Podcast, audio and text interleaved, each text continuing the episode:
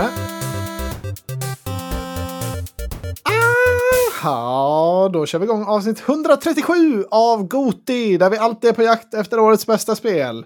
Idag har Emil checkat ut igen som vanligt, så välkommen Mattias. Tack så mycket. Hoppa in när Emil tar semester så här. Han har ett tufft liv. Ja, det är bra. Det är mycket bra. Du är ju känd i koncernen från Bokpodcasten. Absolut. Och en hyllad gäst i Goti också. Du är med i vårt mest lyssnade avsnitt någonsin, Diablo-avsnittet. Ja, det gäller att pricka de rätta pikarna där. ja, så jag tänkte väl, har du någonting du vill inleda med? Annars tänkte jag vi direkt kunde börja pr prata lite status på Diablo och lite annat kul. Ja, nej men senaste gången jag var med så var det ju direkt efter eh, Diablo-launchen där kan man väl säga. Och då mm. hade vi precis haft ett eh, fyra dagars LAN. Så att eh, det blev lite uppföljning på det. Och sen lite eh, nyheter från Exilecon. Jag vet att Emil har varit och snackat lite om det redan. Mm, men ganska eh, ytligt. Mm. Ja, Nej, men vi, vi tar det som det kommer helt enkelt. Så du får vara lite så och fråga mig. Ja, men vi kan väl börja med säsong ett av eh, Diablo. Jag håller ju fortfarande på att harva då i min liksom, main storyline på min karaktär. Tror jag är level 36 nu. Men eh, hur, är stat hur är statusen för dig, säsong ett i Diablo? längre än vad jag. Nej, jag, jag, jag har gett upp. jag har gett upp på spelet. Du har gett upp på spelet? Testade ja. du den säsong ett? Alltså, kör, har du en karaktär där? Jag har en karaktär, jag tror den är level 3. Oj, då har du verkligen gett upp. Berätta ja. då, vad är det som har hänt? Varför? Ja, nej men eh, alltså senaste gången när vi snackade Diablo då efter lanet, då var vi ju väldigt positiva allihopa. Jag tror jag satte 9 av 10 och Emil satte till och med 10 av 10 på spelet. Ja. Eh, och då var vi ju i level, jag tror jag var level 70 då. Hade, alltså vi hade ju, efter lanet så tror jag vi var level 60-65-ish. Sen efter det så uh, hade jag spelat lite själv solo, så jag hade kommit upp till level 70. Mm, och, sen, uh, ja, och sen så efter det så, så var det ju köra vidare upp till level 100 som gällde och det var då som vi kom in i det liksom, lite endgame-aktiga. Och jag har ja. hela tiden, uh, liksom innan Diablo kom ut, så jag har ju spelat Diablo tidigare, spelat Diablo 3, spelat Path of Exile. Och funderat lite över då, vad är syftet med Diablo 4. Vilken, vilken path ska de ta? Liksom? Ska de gå i Path of Exile, konkurrera med Path of Exile, som är ett väldigt komplext spel, eh, som kräver många timmar och mycket, mycket kunskap för att man ska kunna eh, komma vidare där. Eller ska de gå i Diablo 3 och köra lite så här ladders, alltså säsonger med typ en, eh, en uh, leaderboard och sånt. Mm. Eller ska de göra någonting helt nytt eller ska de gå tillbaka till Diablo 2? Och eh, jag har hela tiden tänkt att det, det, är inte lönt att competa med Path of Exile. För att Path of Exile har så mycket. Det är ett spel som har växt fram under 12 års tid ungefär tror jag. Ja. Eh, för Path of Exile gör ju så att de kör en säsong med en ny mekanik. Och sen så integrerar de den i spelet. Och sen så nästa säsong så kommer det ytterligare en mekanik. Och sen en till och sen en till. Så det blir liksom som att man bygger på hela tiden. Ja, och eh. det spelet är väl nästan enbart riktat till hardcore. Alltså de som är verkligen älskar den här genren. Ja, alltså Diablo 2 var ju en supersuccé för, eh, för eh, Blizzard när det kom ut ju för länge sedan. Och sen mm. så, jag är inte helt hundra på liksom storyn bakom det, men det, det är väl några som har varit med i, i Diablo 2 som har varit med och hjälpt till att utveckla delar av Path of Exile. Att de inte var med på Diablo 3-tåget utan att de gick och gjorde sitt eget. Sen mm. är det ju, jag vet att de var tre killar, en svensk bland annat, som startade upp det från början och körde liksom det på betan och, och ja, alltså utvecklade väldigt grundligt i början. Så att Path of Exile genom åren har ju utvecklats extremt mycket. Om du spelade Path of Exile 2012 är det ju inte i närheten av samma spel som det är 2023.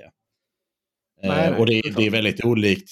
Jag, jag tror jag började spela 2015 eller någonting och det ju, har ju förändrats väldigt mycket där också. Och det är ju det som är lite kul med det spelet, att det är så levande och det är inte det, är inte det här att vi försöker, vi har ett jättestort team av folk som hela tiden försöker sitta och balansera och, och liksom sånt. Utan de är så här, det här låter ganska kul, det här kan vi göra en League av.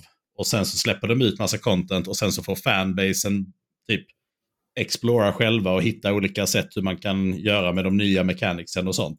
Och ibland så leder det till att det blir jätte-OP och ibland så leder det till att det blir riktigt dåligt. Ja, min fråga var lite det. Leder inte det då till att det alltid kommer någon sån här sjuk exploit? Alltså, den här bilden måste du ha för den är extremt sjuk. Om de inte balanstestar alltså, så himla mycket. Alltså grej, grejen med Path Exile är ju att eh, det, det finns ju ett, ett träd där, typ ett atlasträd om man ska säga. Mm. Eh, och det trädet är alltså nu vet jag inte hur många nodes det är, men jag skulle gissa att det är ett par hundra nodes i det trädet. Så att det finns liksom ingen som kör enbart en och samma bild hela tiden. Utan man måste hela tiden anpassa den efter vad du gillar och du kan hela tiden hålla på och ta ah, typ okay. en, mm. en grundpelare till en bild och sen så kan du liksom modda om den lite själv och sånt. Men det är väldigt, väldigt svårt att spela Path of Exile om du inte har typ en guide eller om du följer någon instruktion. För att om du ska ja. själv liksom börja pilla på det där trädet så är det ju väldigt klurigt att hitta rätt där och det kan bli väldigt dåligt. Ja, det var svinkul. Vi kollade på en speedrun nu eh, som var på mm. XLCon då. Precis. Och där alltså, bindade de ju om sina talents, alltså mid, mid-run, vissa ja. av dem. Det var ju häftigt att se att det var ja, de är riktigt, switcharna. de är att... riktigt sjuka de killarna. De byter ju beroende på allt möjligt, liksom så här, vad man ska göra under tiden. Och de klarar ju liksom ja. hela liksom, akterna då på en timme ungefär. Ja, det var sjukt. Eh, men till, tillbaka lite till Diablo. Vi måste höra här nu. Vad är det som har hänt? Ja, nej, nej, men det som är Alltså jag måste nästan gå tillbaka lite på Path För det som är bra med okay. Path är ju då att eh, eftersom att de bygger på dem med olika säsonger och lägger mm. till liksom en ny mekanik hela tiden. Så blir det ju ett enormt stort endgame i spelet.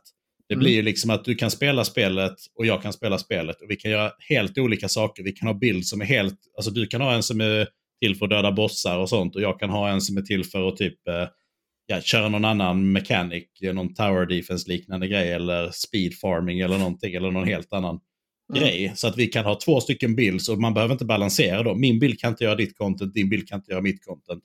Men det stora och det viktigaste i Path of Excel är ju det här med tradingen. Att allting går ju att trada och eftersom att tradingen är så stor del av spelet så är det ju så att om du sköter ditt och jag sköter mitt så kan vi sen trada med varandra och så kan vi göra ett utbyte och så kan man liksom, behöver man inte köra allt content utan man kan spe specialisera sig på de sakerna som man tycker är bra själv. Och det gör att endgame i Path of Exile är i princip oändligt. Och det är väldigt kul. Mm. Eh, så, och, och, i Diablo 3 då så har det ju endgame i Diablo 3 har ju varit att man kör eh, sådana här, eller inte Greater Rifts, vad heter det? Jo, Greater, Greater Rifts. Ja. Och sen så levlar man upp då en sån Greater Rift Stone och sen så ser man hur långt man kan pusha det. Och då blir det ju det som är endgame kan man säga. Att du kör samma sak om och om, om igen hela tiden. Det blir ganska repetitivt. Uh, men det finns en leaderboard och du kan liksom ha ett mål. Några gånger har jag liksom haft som mål att jag ska sluta på topp 1000. Och, sen så har, och vi körde ju tillsammans, uh, vi körde fyrmannagrupp, du, jag, mm. Emil och Det var och fett. Ja. Det var kul också och då körde vi det någon säsong och man försökte liksom att pusha upp det och spela tillsammans och sånt. Eh, så det var det som var endgame där. Det blir lite för mycket samma sak hela tiden i slutändan och, och de ändrade inte så mycket i, i Diablo 3 så de lägger inte till så många olika nya mechanics. Utan de balanserar om vissa items och sånt så att det är liksom, ja men den här säsongen är de här bildsen som gäller. Och så. Ja, ja. Men Diablo 4 har ju inget endgame riktigt. Och det är väl det som är problemet med spelet. Att jag ja. tror de har tänkt, alltså för att jag, jag står fast vid den åsikten jag hade tidigare, att spelet, de första 50-60 levlarna är fortfarande otroligt bra gjort. Combaten känns rolig, eh, lotsystemet funkar bra. Mm. Eh, det finns varierat content att köra. Eh, att köra igenom alla akterna var också jättekul. Grafiken är supersnygg. Men sen när man kommer upp där till level 60, när man har klarat alla akterna, så är det liksom så här, ja, vad, vad, är, vad ska jag göra nu för någonting? Vad är, vad är endgamet i spelet? Mm. Eh, och det sa ni ju redan då när vi snackade första gången, att ni var lite oroliga vad yeah. som kommer framåt. Precis, eh. så att nej, sen senaste gången då när jag fortsatte innan säsongerna kom så körde jag upp till level 100. Eh, för att det som ska vara endgame det är två saker kan man säga egentligen då. Och det är att man kör då Uber Lilith. Lilith är den sista bossen och man kan köra henne sen svårare. Eh, och sen är det ju att man kör de här eh, säger Greater Rifts, men det är, är det inte det det heter. Eh, Nightmare Dungeons heter det. Just det. Mm. Och det kan man ju också köra då högre, alltså pusha högre och högre. Mm. Eh, men problemet lite är att det finns ingen reward för att göra de här sakerna. Utan du, om du ska tänka dig att vad är målet med spelet? Jag vill ha bättre loot. Det är det APG-spel ofta. Ja, så är det ju alltid. Det är en grej man vill ha oftast. Den här ja. grejen behöver jag för min ja, bild. Och sen så precis. är det något nytt. Och sen... Ja, och, och, i Path of Exile så target-farmar man ju väldigt många saker. Det är så här, jag behöver den här grejen, okej okay, den droppas från det här content, då kan jag farma den. Eller så kan jag farma något annat och sen kan jag köpa den saken. Mm, mm, det kan man inte göra, du kan inte köpa riktigt i, uh, i Diablo 4, för tradingen har de ju inte med riktigt. Det finns ju en, en viss del trading, men jag försökte trada lite och det gick inte alls. Det var liksom ingen som var intresserad av att trada. Och nej, nej. Det, var, det funkar inte riktigt. Eh, och när jag var i level 80 tror jag, så hade jag, jag följde ju en bildguide, jag spelade Source, Sork då. Och jag hade alla de bästa itemsen. Alltså jag hade alla mina fyra main stats på alla mina items. Alla de bästa legendary aspekten när jag var i level 80. Så det kändes liksom som, inte som att det var så här, ja men jag lotar 30 items varje dungeon jag kör. Men alla är värdelösa och ibland kan det vara så att man letar efter ett item och så kan det vara så att det var tusen dropp jag får, då får jag ett item som är riktigt, riktigt bra. Som kan ta mig vidare. Mm. Men här var liksom gameplayen väldigt enkel. För det var så här att kör du för hög level så gynnas du inte av det. För du, vill, du, du, du får inte tillräckligt mycket power av items, utan du får mer power av level. Alltså, leveln är det som gör att du blir starkare och starkare hela tiden. Och det är mycket för att du har en penalty, så att du blir straffad om du möter högre monster. Så det är så här, vill du köra höga Nightmare Dungeons så är det inte lönt att börja pusha det innan du är level 100. Så då var det så här, ta dig upp till level 100 först och sen kan du köra högre Nightmare Dungeons.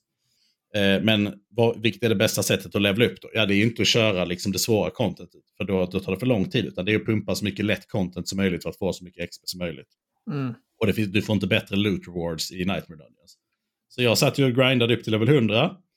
Eh, och sen kom jag upp till level 100. Då började sen... det låta, alltså då började det bli hårda ord i chatten. Du var inte ja, nöjd. Ja, ja alltså jag, jag har gjort många grinds. Eh, alltså till och med gjort sådana achievements som The Insane i World of Warcraft och sånt.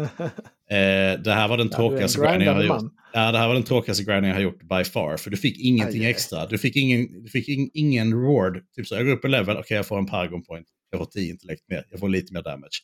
Men framförallt så minskar min eh, min penalty liksom, mot de högre mobsen. Så du kan köra en level högre på mobsen. Du kan köra en ja. till. En ja, till. det låter verkligen sådär. Mm. Och, och då ska jag tillägga också att de, nu la de ju till eh, 30 minuter efter att jag tog level 100 så la de ju till att man kunde då eh, bli teleporterad till Nightmare Dungeons direkt. Jag gjorde ju det här innan man kunde göra det och de la också till 75% increased XP från Nightmare Dungeons. Ja. Så att eh, innan dess var det förfärligt tråkigt att grinda upp det. Men jag gjorde det i alla fall för eh, för att jag kände att jag var tvungen att göra det. Och sen kom jag upp till level 100 och sen så tänkte jag skulle köra höga Nightmare Dungeons då och försöka pusha det så högt som möjligt. Men då eh, var det liksom så att allting som jag hade på min gear som var mina bästa sets var cooldown reduction. För att cooldown reduction var viktigt för att hålla bilden igång. Liksom. Mm. Jag, jag, körde ju, man vill ju kunna lägga sina spel så ofta som möjligt. För att komma högre upp då och kunna pusha högre och för att kunna döda Lilith så var det så, då måste du ha mer damage. Och det enda sättet att få mer damage är att ta bort cooldown reduction från din gear. Och då är det att vänta mellan paxen. Så det är det så här att du tar bort cooldown reduction, så du kan inte lägga dina spells lika ofta. Och då blir det att då dödar jag ett pack med mina saker och sen får jag sitta och vänta 20 sekunder på mina cooldowns. Och sen går jag och dödar nästa pack. Ja, ja. Och det var det sättet som det var att göra höga Nightmare Dungeons. Och så var det ingen ladder, du fick ingen extra alltså loot. XP spelar ingen roll för du var level 100 redan. Eh, så det kändes bara som att det, det, finns inget endgame överhuvudtaget. Och då tröttnade jag på det och kände liksom att äh, nu har jag gjort mitt här. Eh, jag har gjort allting. Jag har, minns inte vad jag kom upp i Nightmare Dungeon. Eh, nu känner jag att nu är jag redo för säsong ett. Så att jag slutade spela där och tänkte att ja, men jag kommer tillbaka till säsong ett. Sen mm. annonsade de ju säsong ett. Eh, och jag var helt övertygad om att de hade tänkt sig något Diablo-liknande system. Eller inte Diablo, Path liknande Att de gör en säsong, lägger till en mechanic eller någonting spännande. Och sen i säsong två så lägger de till en till och sen en till och sen en till. Så jag hade stora förhoppningar och tänkte att om ett år eller två år så kommer det här kunna vara riktigt roligt, alltså endgame. Ja. Men de har ju valt att göra att nej men nu är det en säsong, då är det det här som gäller. Och sen tar vi bort det helt och hållet och så kommer det en ny sak. Eh, och då bygger man ju inte ut på endgamet på samma sätt. Så att när nej, de, när, när de annonsade ja. Diablo 4, alltså då, för det första så, så streamen när de skulle göra det, alla som har spelat Path of Exile vet att det är ganska hype när de annonserar en ny liga. Liksom. Ja. Eh, och det är väldigt snyggt upplagt och det är liksom, man får mycket hype direkt och sånt. Eh, katastrofalt dåligt presenterat. alltså, de, de gick ut på scenen och sa nu ska vi publicera här ny inför säsong 1. Och så var alla hypade och satt och väntade. Okej, okay, vi börjar med 20 minuter Diablo Immortal först. Och så var det så här, har ni alltså inte liksom... Att de gör den nitoten igen. Har ni inte, förstått, har ni inte ja. förstått att det här inte... Alltså det här har blivit ett skämt nästan med mobilspelet. Okej, okay, ja. fine. De kommer förbi de här 20 minuterna. Sen sitter de fyra stycken killar och svamlar och vet inte riktigt vad de ska säga kändes det som. Så det var väldigt otajt jämfört då med vad man är van vid. Eh, och sen när de förklarade League-mekaniken så var det så här, var det ingenting mer än det? Alltså, det hade ju spekulerats om att man skulle få en, en till Torment, alltså en högre svårighetsgrad, hade, eh, att man skulle göra nya Legendary items som var bättre, det kom några stycken men de var inte så bra. Att det skulle mm. kanske komma en ny klass. Alltså det var många olika saker det var många olika saker som man kände så här. Ny klass, det tar flera år. Det? Ja, det slänger ihop i en handling. Precis, men, men det är det som är så konstigt. För att om du tittar på Diablo 3, så Diablo 3 när det kom ut var inte, det, det, liksom, det tog tid innan det liksom hittade sin, sin uh, grej. Men de hade ju väldigt många bra saker som de hade lagt till i Diablo 3. Så man känner så här, var är de här sakerna i Diablo 4? Ni hade ju bara kunnat ta vissa av de här idéerna som ni hade i, Diablo 3 till exempel olika typer av loot goblins eller en cow level eller att det mm. finns någon uh, sån här Ramalanis gift som man kan lägga på sitt vapen. Alltså olika saker som man känner så här, det här är saker som ändå är liksom lite kul att ta med i spelet men som inte borde vara så stora saker att lägga till. Uh, ja, och, det, alltså och, det, har de inte gjort. Jag känner att jag brinner väldigt mycket för det här med cow level. Alltså om, det, äh. om det inte finns en cow level i Diablo 4, det, det, det är tjänstefel av den game directorn då, tycker jag. jag ja. Alltså det är så mycket goodwill och hitta ja. det. De borde, ja. alltså, ja, det borde vara väldigt svårt att hitta. Så det kan, man kan ju hoppas att det inte finns. Eller att de inte har hittat det än bara. Ja, det Men, finns ju spekulationer. För det finns ju ett ställe där det finns fyra kor som är en fontän som en staty. Och folk mm. har ju, alltså det har ju varit typ en hel YouTube, en hel Discord dedikerad bara till att hitta den här cow Men de har liksom inte lyckats. Det är en eh, otrolig hype om den finns. Om exakt, de, alltså, det hade ju varit ja. jättemycket hype. Men det som de har typ kommit fram till nu är så här, nej men den finns inte än, men de kommer lägga till det senare. Ja. Eh, och det är väl förmodligen så med mycket saker att de, de har tänkt sig så här, men det här ska vi lägga till senare, det här ska vi lägga till senare, det här ska vi lägga till senare. Och, och då liksom börjar man ju känna lite så här, jag, jag drar parallellen till Destiny. Eh, för mm, Destiny mm. 2 när det kom ut var inte färdigt så som man ville ha det. Vi spelade Destiny 1, vi var väldigt nöjda, kände hypen och sen så var det så här, nu kommer Destiny 2, det här ska bli sjukt kul, vi maxar detta, vi ska spela detta jättemycket. Och så kommer Destiny 2, så är det bara så här, men det här är bara typ 10% av spelet, vad är det som händer? Ja, och så ja. var det så, nej men det kommer en DLC nu om tre månader, då kommer vi lägga till massa saker. Och så var det så, jaha. Och så jag, kom minns den. Så, jag minns det så jävla tydligt, för vi köpte ju det här Ultimate Pack, eller jag gjorde det i alla fall. Ja, ja, alla då skulle man få det. de första två DLC, för man, jag, var, jag var helt säker på så här, det kommer bli helt perfekt, då kommer vi maxa Destiny 2, sen kommer det här DLC, det kommer vi givetvis köra och maxa, sen kommer det andra DLC, och det kommer bli svinnice, så kommer vi fortfarande maxa. Ja. Men spelet var ju helt dött då, alltså när det andra delset kom. Jag tror ja, inte det var men... någon av oss som spelade fortfarande då. Nej, och jag, jag minns att jag var riktigt sur när det kom. Och jag bara, vad är det här för någonting? Vi får liksom ingenting. Vi får ja. liksom, alltså vi har spelat ettan, nu kommer tvåan. Och det känns som att det är så minimalt litet spelet. Och sen så kom... Så, Fanns det ens en raid när det släpptes? Jag tror knappt det. Jag tror det mm. Nej, det kom, jag tror det kom i första. Och så, du vet, ja. Emil var ju eh, så bara, nej men du vet det kommer sen i ettan och de, de har satsat jättemycket på det. Så att eh, vänta, vi väntar bara på den ettan när den kommer. Då kommer det lösa sig många av de här problemen. Och så kom ettan och så var det bara så här, jaha? Får man inte mer än så här? Det kom ju en raid då. Det var ju då Simon eh, körde shot, shotgun på den här monstret som var svinlångt borta. Team Suck. Ja, vi klarade ju ändå. Så det, alltså, det var ju inte så... Nej, det var, det var inte så svårt. Så. Vi, ja, men det vi klarade det första kvällen typ. Ja, det kom ju väldigt lite då. Och sen så var det så här, ja nej men eh, säsong ett var redan färdig innan. Och det, det, det teamet som har gjort säsong ett är de som har gjort spelet. Men de som är de riktiga liksom eh, hotshotsen, det är de som har jobbat på säsong två och säsong tre. Så vi väntar tills säsong två kommer, för då kommer allting, då är det liksom riktigt bra som kommer göra det. Jag minns att det var han som hade jobbat på, jag tror det var han som hade jobbat på Diablo 3 som skulle komma in, han som hade startat mm. här med mm. Great Rift och sånt. Mm. Och så kommer säsong, eller då DLC 2, så var det bara så här, är det fortfarande, har de inte fixat det? Och så kommer den tredje som vi hade köpt och så var det så här, är det fortfarande inte fixat? Och sen slutade ju alla vi. Och sen har jag hört nu liksom fem år senare, så ja men Destiny 2 är riktigt bra nu, det är många som spelar det. Men för oss som liksom köpte allting och som betalade, var det tusen spänn eller någonting. Ja, ja. Eh, vi kände oss totalt lurade och var bara så här, vad håller ni på med? Alltså, så här kan ni inte göra, ni kan inte behandla era spelare på det här sättet. Nej, eh. och det är så svårt när man väl har tappat någon så är tröskeln otroligt hög att komma tillbaka. Jag har ju ja. gjort två försök i Destiny nu, vid två av de senaste expansionerna. Men det är så mycket system och liksom så, det är så opedagogiskt att komma tillbaka in i det igen nu. Så då krävs det en stor ansträngning verkligen. Ja, men nu gör vi en push här för att lära oss allting och komma in i det igen. Ja, och så jag om man har tappat någon är det jättesvårt. Ja, och om man då ska ta det och, och liksom applicera på det här Diablo då, så är det samma sak här. Hur tänker de när de inte har med ladder i säsong 1? Det kommer inte i säsong 2. Det ska inte komma i säsong 3. Det ska komma i säsong 4 har de sagt nu. Det är ett år efter att spelet har släppts, ungefär. Ja. Då ska det komma eh, ladders. Och ladders är en typ av endgame, även om det är väldigt repetitivt och sånt. Så är det ändå någonting man har att sträva efter. Hur kan det inte vara med i spelet direkt första säsongen? Alltså bara, bara för att förtydliga, ladders, är det alltså att man ser vem som har gjort Ja, det är en, leaderboard. Precis, Ja. en, le- en leaderboard så man kan se vem som är bäst och så, här, så man kan liksom Och Man ser targeta. sig själv också, vad man ligger. Ja, precis. Man ser det. Hur, hur, hur kan inte 10 000? det finnas med direkt i, Nej, det i, i första säsongen? Jag köper att det inte var med liksom innan säsongerna, men hur kan det inte finnas med i första säsongen? Eh, och, Det och borde såna, inte vara så svår feature i och med att de har haft det i Diablo 3. Så Nej, de har ju haft det systemet tidigare, så det är väl ja, egentligen bara det att ta... Eh, nej, det gör det inte. Men det, Nej. alltså det, det finns inte riktigt, men det, det finns en annan typ av leaderboard. Men det är inte riktigt det man, man kör där. Utan i Path of Exile så är det väldigt mycket tradingen som är det stora endgamet. Att Mm, man tradar, mm. craftar items och sen så eh, kan man köra olika typer och sånt. Men det behövs inte i Path of Exile heller. För det är så olika, det är så spritt content. Så där är det bara så här, hade det funnits en ladder så hade det varit så här, ja, det är en liten, liten del av så mycket annat. Ja. Eh, men i Diablo där de inte har någonting annat och där i trean har det varit det som har varit grejen så tycker jag liksom att om ni nu, för att de har ändå jobbat på det här spelet i vad är det, 10-12 år eller någonting. Och om de nu har planerat att de ska ha med det i säsong 4, alltså lägg in det i säsong 1 istället. De måste ju förstå att fanbase kommer inte tycka om detta. Så att eh, det, det är liksom den ena biten där, att det saknar endgame.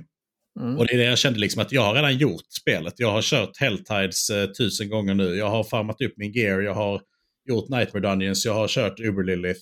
Eh, jag har gjort alla de sakerna. Ska jag göra det igen och bara levla upp det för att göra alla de här sakerna igen? Jag känner inte för att göra det, utan eh, då vill jag hellre göra någonting annat.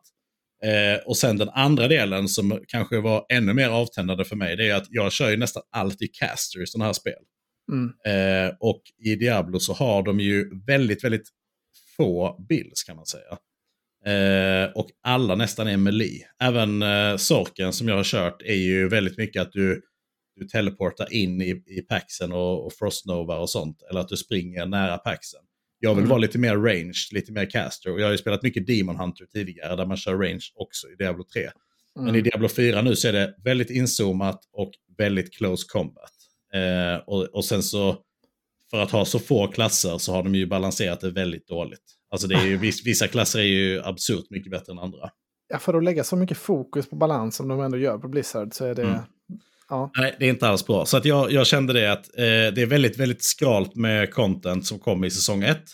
Eh, det finns inget incitament för mig att köra det och jag har ingen class att köra. Så att jag, jag bestämde mig.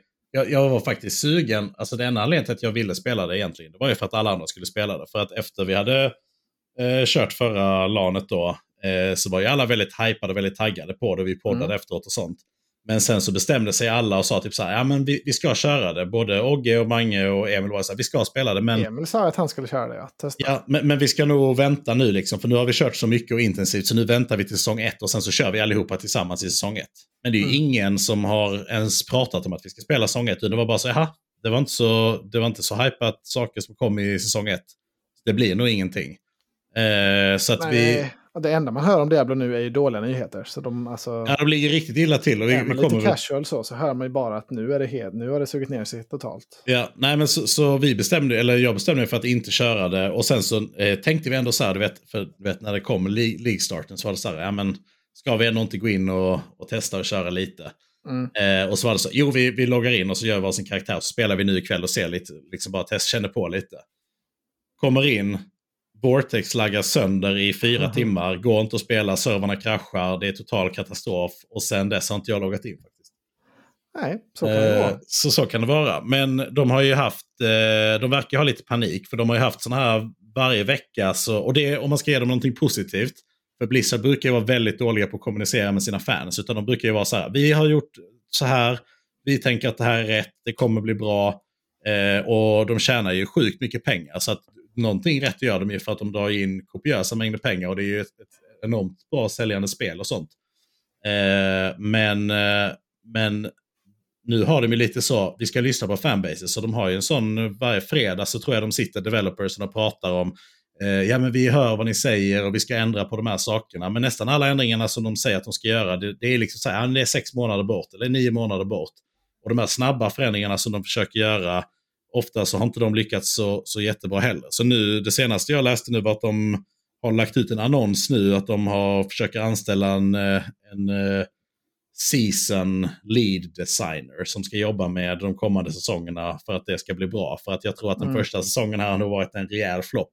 Vilket jag också tycker är väldigt märkligt när man, när man har så mycket tid på sig innan.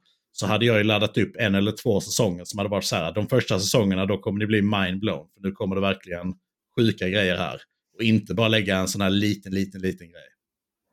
Ja, eh, det var... Hade det varit bra content så hade man ju hypat det och, och, kanske spelat det. Men nu är det så små saker de har lagt till så att det inte ens, inte ens en Path of Exile liksom, som, som de lägger till. Nej. Och hur länge ska den här säsongen pågå? Är det tre månader? Tre månader, tre månader i en ja. säsong. Så att den här säsongen har ju varit ute nu i en månad ungefär. Så att det är väl två månader kvar och sen kommer säsong två.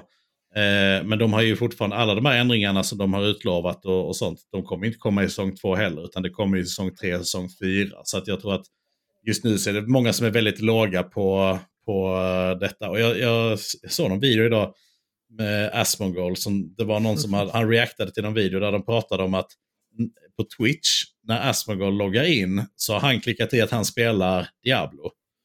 Och när han klickar i det så var det typ så att då, ök, då kommer du upp på topplistan på, eh, alltså på Twitch. Då är det typ så, det är 200 000 som eh, kollar på Diablo-streams nu. Men han har typ inte ens spelat utan han har typ bara reactat lite och suttit och typ så eh, snackat om Diablo. Och sen så ja. fort han går offline så går det ner till under 50 000. Så att de sa att hela, fan, alltså hela Twitch nu hänger typ på att om Asmogold säger att han streamade eller inte. Så det verkar vara väldigt dött på den fronten också. De flesta content ja. creatorsarna som jag har tittat på är ju negativa. Eh, och många har ju börjat gå över och tänka, säga så typ så här.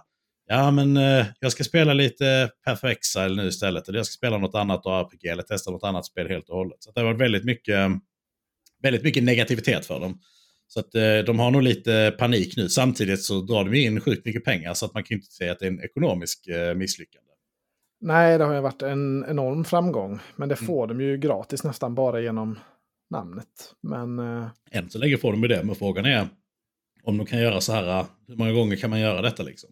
Nej, men Diablo 3 var väl lite av en flopp när det släpptes också. Så det, det går ju kanske Nej, vända. Men... Jag tror att Diablo 3 sålde över 30 miljoner exemplar. Ja, ja. Var ju för, försäljningsmässigt var det en succé, men det var ju, folk mm. tyckte ju inte om det. Alltså, ja, nej, men de, de flesta ja. har ju sagt nu att ge det ett år eller ett och ett halvt år mm. så kommer det nog vara bra då. Men frågan är hur sugen man kommer vara där om ett, ett och ett halvt år på att komma tillbaka. Och då kommer vi väl kanske in lite på den andra saken som har hänt under den här säsongen och det är ju Exilecon. Mm.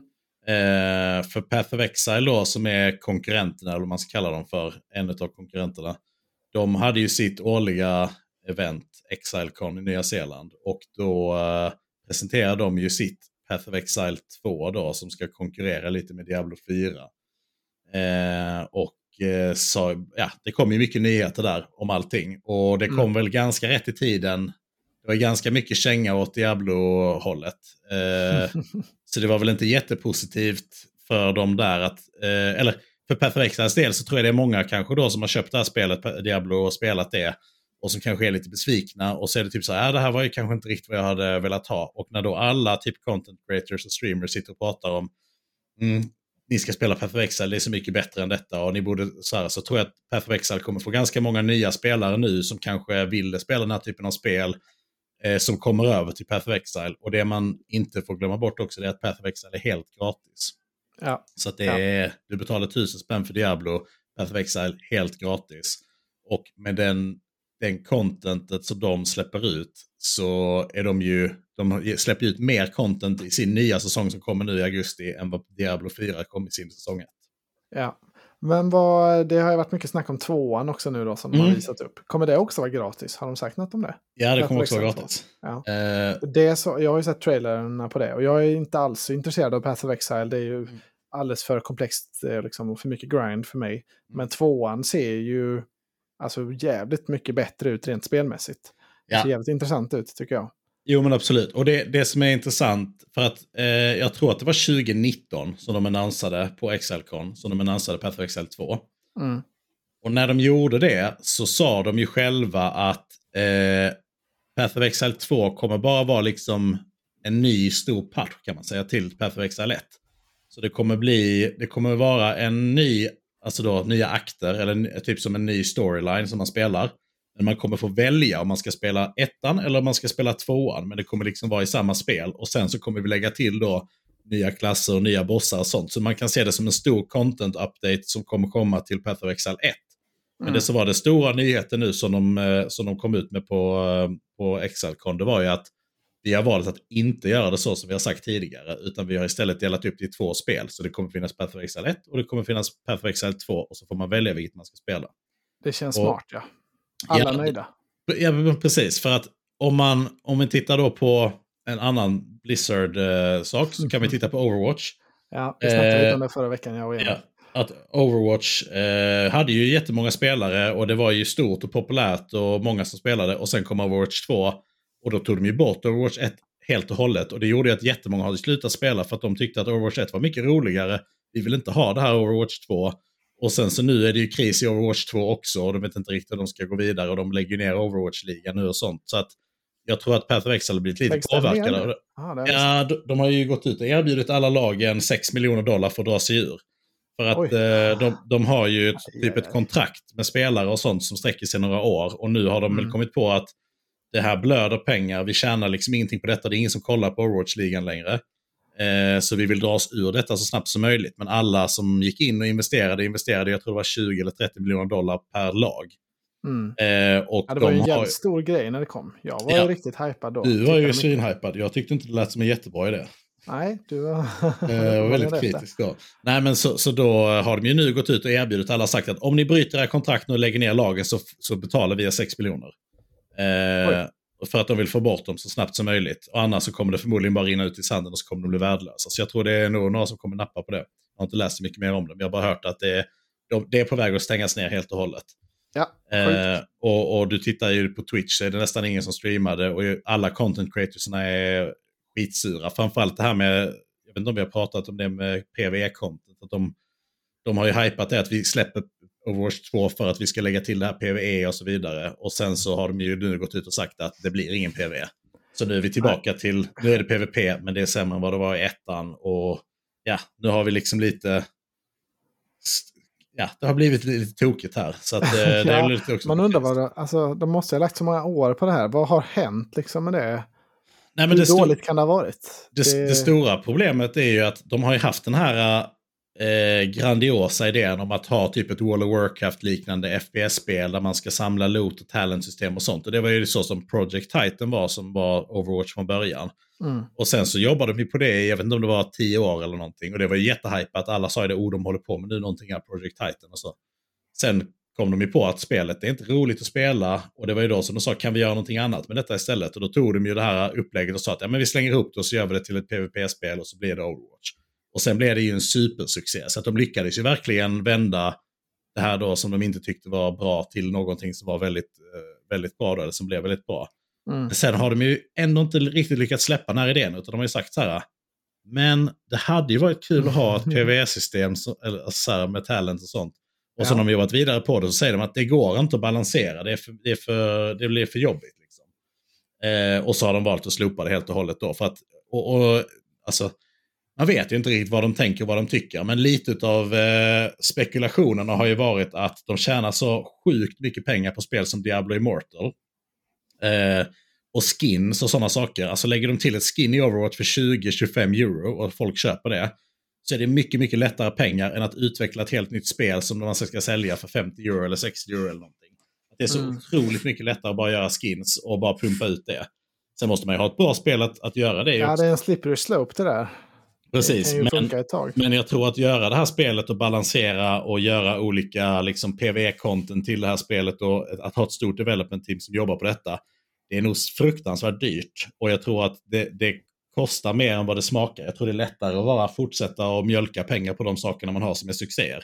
Men då har de ju också bitit sig själva i foten. Ja, eh, det blir spännande att se om det blir någon ändring nu på Blizzard, om det kommer märkas av de närmsta åren nu när Microsoft köper. Det ska upp bli väldigt spännande att se vad de tänker där, hur mycket ja. de kommer vilja göra och sånt. De kommer förmodligen vilja få in det på Game Pass väl? Ja, det är ju mycket spekulationer kring det. De borde ju vilja, eller det är många som tror det. Ja, och se lite rimligt, hur, hur de ska göra med den biten där och hur de ska utveckla vidare sånt här content och sånt. Men, mm. men lite så blev det ju med eh, eh, alltså det här om, om man ska gå tillbaka till, till Diablo, med, eller med, till Path of Exile menar jag, med eh, Path of Exile 2, att jag tror att de hade planen att göra så som Overwatch har gjort. Men nu när det har floppat så, så har de nog känt att vi får nog dela upp det här och göra två olika spel istället. För att vi kommer att göra alla, alltså om inte, om inte Path of Exile 2 lyckas och vi har dödat Path of Exile 1, då är det ju total kris eftersom att ja, eh, ja, de bara har Path of Exile. Eh, nu är det ju väl Tencent som äger det så att det var väl mycket annat. Men de, Path of Exile, eh, ja, alltså det, det, blev, det hade kunnat floppa. Och, och, det är risky move. Det som är positivt med, ja, det som har varit positivt med Perfexal är att de lyssnar ju faktiskt på sin community base. De lägger till nya saker och sen så säger alla det här gillar vi inte. Och sen några månader senare så är det så, nej nu är det här borttaget från spelet. Nu är det, nu är det nytt så som ni ville ha det. Så att de, är ju, de lyssnar ju, de tar ju åt sig kritiken. Mm. Ja, det, det är tråkigt att höra med Diablo säsong 1. När tror du att, eller har du någon förhoppning att komma tillbaka till säsong 2 eller 3 eller 4? Eller när tror du att det kan bli hype När det blir aktuellt igen? Ja. Eh, det beror på lite. Alltså jag, jag känner väl lite så här nu att eh, på, på, min agenda framåt så kommer det en ny Path of Extra-säsong nu. Nu kommer den nu äntligen. Jag vet att du har gått och längtat. Du har varit lite, jag... Vi får komma in på det sen, men du har varit lite desperat här. Ja, precis. Nej, men jag, jag, de hade ju en Path of Extra-säsong. De brukar också sträcka sig tre månader, men de valde nu att förlänga den här säsongen ett par veckor extra eftersom att de ville annonsera den nya säsongen på Exilecon. Mm. Eh, och jag hade ju hoppats, för jag har ju haft semester nu hela sommaren, så jag hade ju hoppats att det skulle bli så att den nya säsongen kom ut i juli så att man kunde verkligen gå all in och maxa den säsongen. För jag har velat ha en sån säsong där man kan maxa, men det går ju inte när man jobbar. Eh, så att ha en sån som man bara kan liksom gotta ner sig i och sitta och, och, spela jättemycket. Men nu valde de ju att skjuta upp det announcementet. Så att nu sköt de upp det till Exalcon som var den 27. Så att den nya ligan som kommer nu, den kommer inte förrän nu, 16 augusti eller någonting. Och då har jag ju börjat jobba igen. Så det, det blir ju inte att liksom nörda den säsongen jättemycket. Men det blir inte tar... hela livet, hellivsprojekt. Men de, de, tar tillbaka Mechanics från en tidigare säsong som jag missade. Så jag är väldigt taggad på att köra det. Plus den nya som kommer nu ser väldigt spännande ut. Eh, men, ja, det, det ser väldigt roligt ut, eh, det nya mekaniken de lägger till. Mm. Så att den kommer spelas och sen eh, så får man väl se lite hur det utvecklar sig. Men sen kommer ju betan nästa sommar har de sagt på, på Path of Excel 2. Så då kommer det bli det lite nästa sommar. Så fram tills dess så får man se. Kommer det någon riktigt bra liga i Diablo och många är sugna så, så ser jag inte det som en omöjlighet att man går in och testar det. Men jag skulle tro att de behöver nog fyra eller fem leagues för att rätta till de misstagen som de har gjort innan det blir bra. Och då är risken att man släpper det kanske samtidigt som Diablo har börjat bli bra. Alternativt att man släpper det när, eh, nu tror jag inte, det kommer nog vara lite tidigare, men när Perfect 2 kommer ut så kommer det ligga i högre upp för mig oavsett vad Diablo gör. Ja, då blir det tajt ja. ja. Så att eh, de, har ju, de har ju ställt klockan nu ungefär på ett, ett och ett halvt år för Diablo att eh, skärpa till sig innan Perfect 2 kommer ut. Sen så är ju Perfect mer än nog för att man ska hålla sig underhållen. ja. ja, ska vi gå in lite på vad vi spelar eller? Det är intressant mm. att höra. Eller har du något mer du vill berätta om? Nej, men jag kan, alltså Path of Excel 2, det är ju... Alltså jag tycker det ser väldigt roligt ut också. De har ju fått testa det, en del av det, de som varit på Exilecon, och det, de har ju overtunat det extremt mycket. Så alla sa ju det att det var i princip omöjligt att klara det. Man dog direkt av mobsen och det var väldigt svårt. Eh, men de sa ju själva att de hade, hade liksom crankat upp det rätt mycket. Eh, och det var ju samma med Diablo tidigare, att det är jättesvårt att veta på en liten beta hur spelet kommer vara sen. Men det ser ju betydligt långsammare ut och lite mer, eh, eh, ja, lite mer åt Diablo 4-hållet i combatmässigt än vad, eh, än vad eh, Patrick Salett är. Sen kommer de, de sa ju det också att när man levlar upp sen och när man kommer till endgame och när, så kommer det finnas jättemycket olika builds och olika saker som man kan göra, vilket gör att det kommer förmodligen bli mer fast pace och sprängas mycket som jag gillar. Så att eh, jag har goda förhoppningar, men jag tycker också att det är väldigt trygghet att veta att om det inte blir bra så finns Patrick Saletta fortfarande. Ettan finns där. Ja. ja. men jag tycker det verkar vara ett riktigt bra upplägg. Men mm. Eh, då rullar vi över lite på vad vi har eh, lirat. Mm. Eh, och jag tänker att du ska få komma in på det alldeles strax. Men jag tänkte bara följa upp lite från förra avsnittet. Det är synd att inte Emil är med här nu, men han, jag tror inte han vågade vara med. För han, eh, han vet att han är fel ute angående Remnant 2. Eh, du har ju varit delaktig i den här chatten som, som vi har tillsammans med vissa andra poddare. Mm. Där det har varit väldigt hårda ord mellan mig och Emil och angående det här Remnant då, som jag älskade och som Emil, han, Emil har ju sänkt spelet till en etta nu. han, bara i affekt, vet jag. Ja, det har varit mycket bråk. Ja, det var synd nästan att inte det kom med mer bråk i podden, för det har varit väldigt kul i, i chatten sen.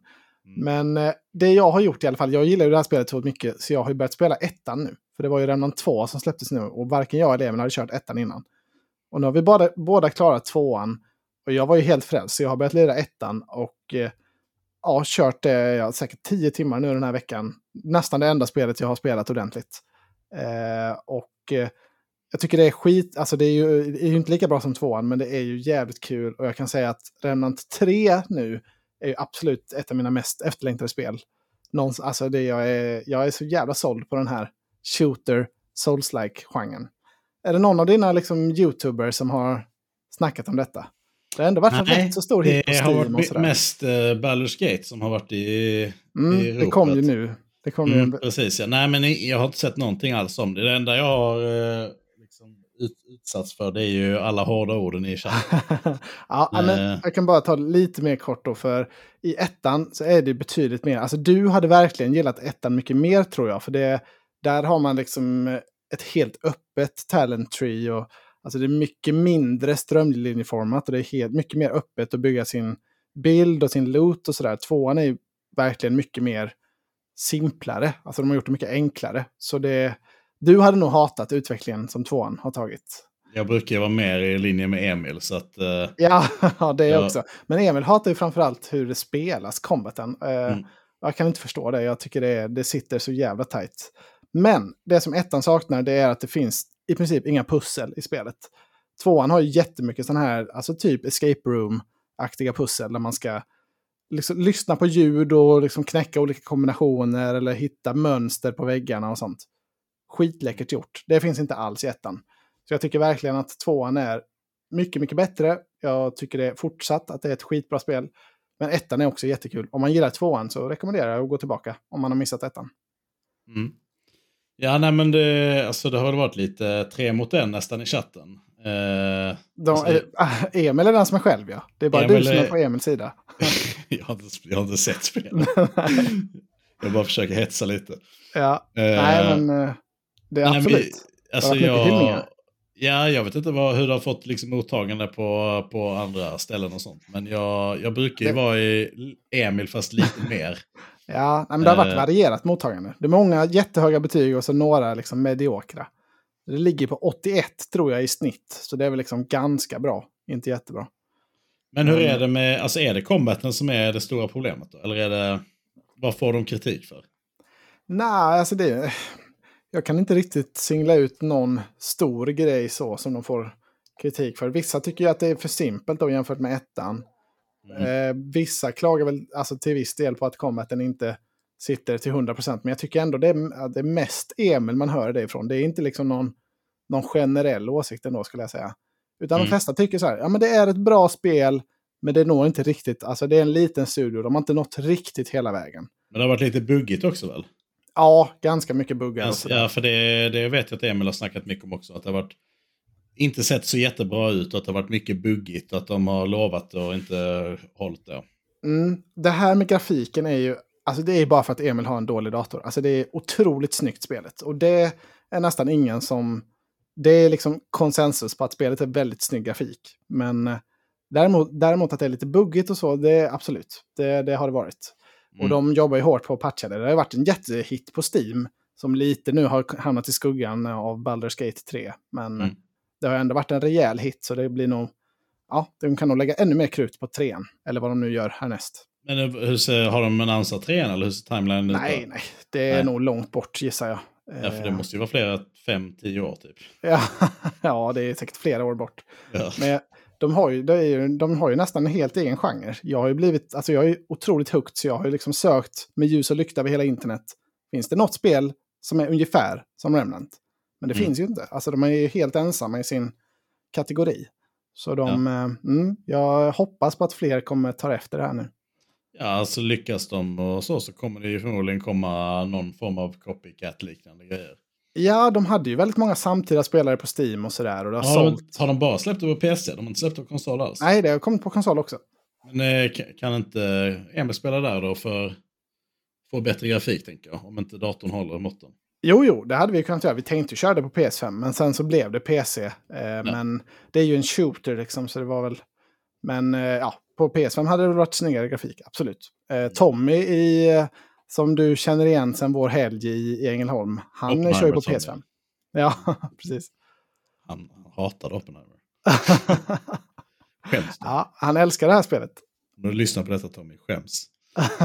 Ja, Ja, han brukar Eh, lyssna faktiskt. Eh, eh, jag vet. Men nu kan vi prata lite om vad du spelar sen senast då. För då är det ingen Path of Exile, ingen Diablo. Vad, vad, vad gör du med din... Vad gör du med din tid? Jag har faktiskt eh, fallit tillbaka på lite CS. Oh, Vi har kört, eh, ja, vi har kört mycket CS, jag och eh, ett annat gäng. Så vi har Mm. kört eh, lite så, bara gått in och tagit några random games och, och kört eh, lite så competitive, så att det har varit kul. Är det för att eh, ranka upp eller, vad är eller är det bara för att det är kul? Alltså det eller är bara... för det är en kul, kul grej liksom. Det var ju när, eh, det var ju framförallt Ogge, för Ogge var ju typ så, eh, WoW Classic är lite så här stagnerat och eh, Dia, eller vet du det, Diablo var ju också vad det var. Och sen var det ju eh, Path Exile som förlängde sin säsong också. Så vi hade liksom inget riktigt sånt eh, spel som vi skulle köra. Vi, vi gillar ju att spela tillsammans, så vi spelar ju Mm. nästan bara Mm. eh, tillsammans. Och då är det ju, ja, då vill man ju ha något spel. Och Overwatch 1 dödade de ju också av. Det brukade vi spela mycket innan. Och Overwatch 2 har vi väl inte riktigt varit jätteheta på.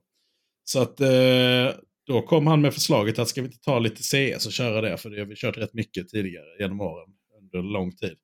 Så vi eh, körde igång och det har blivit rätt mycket så här att man kör några games på kvällen tillsammans. Så det varit trevligt.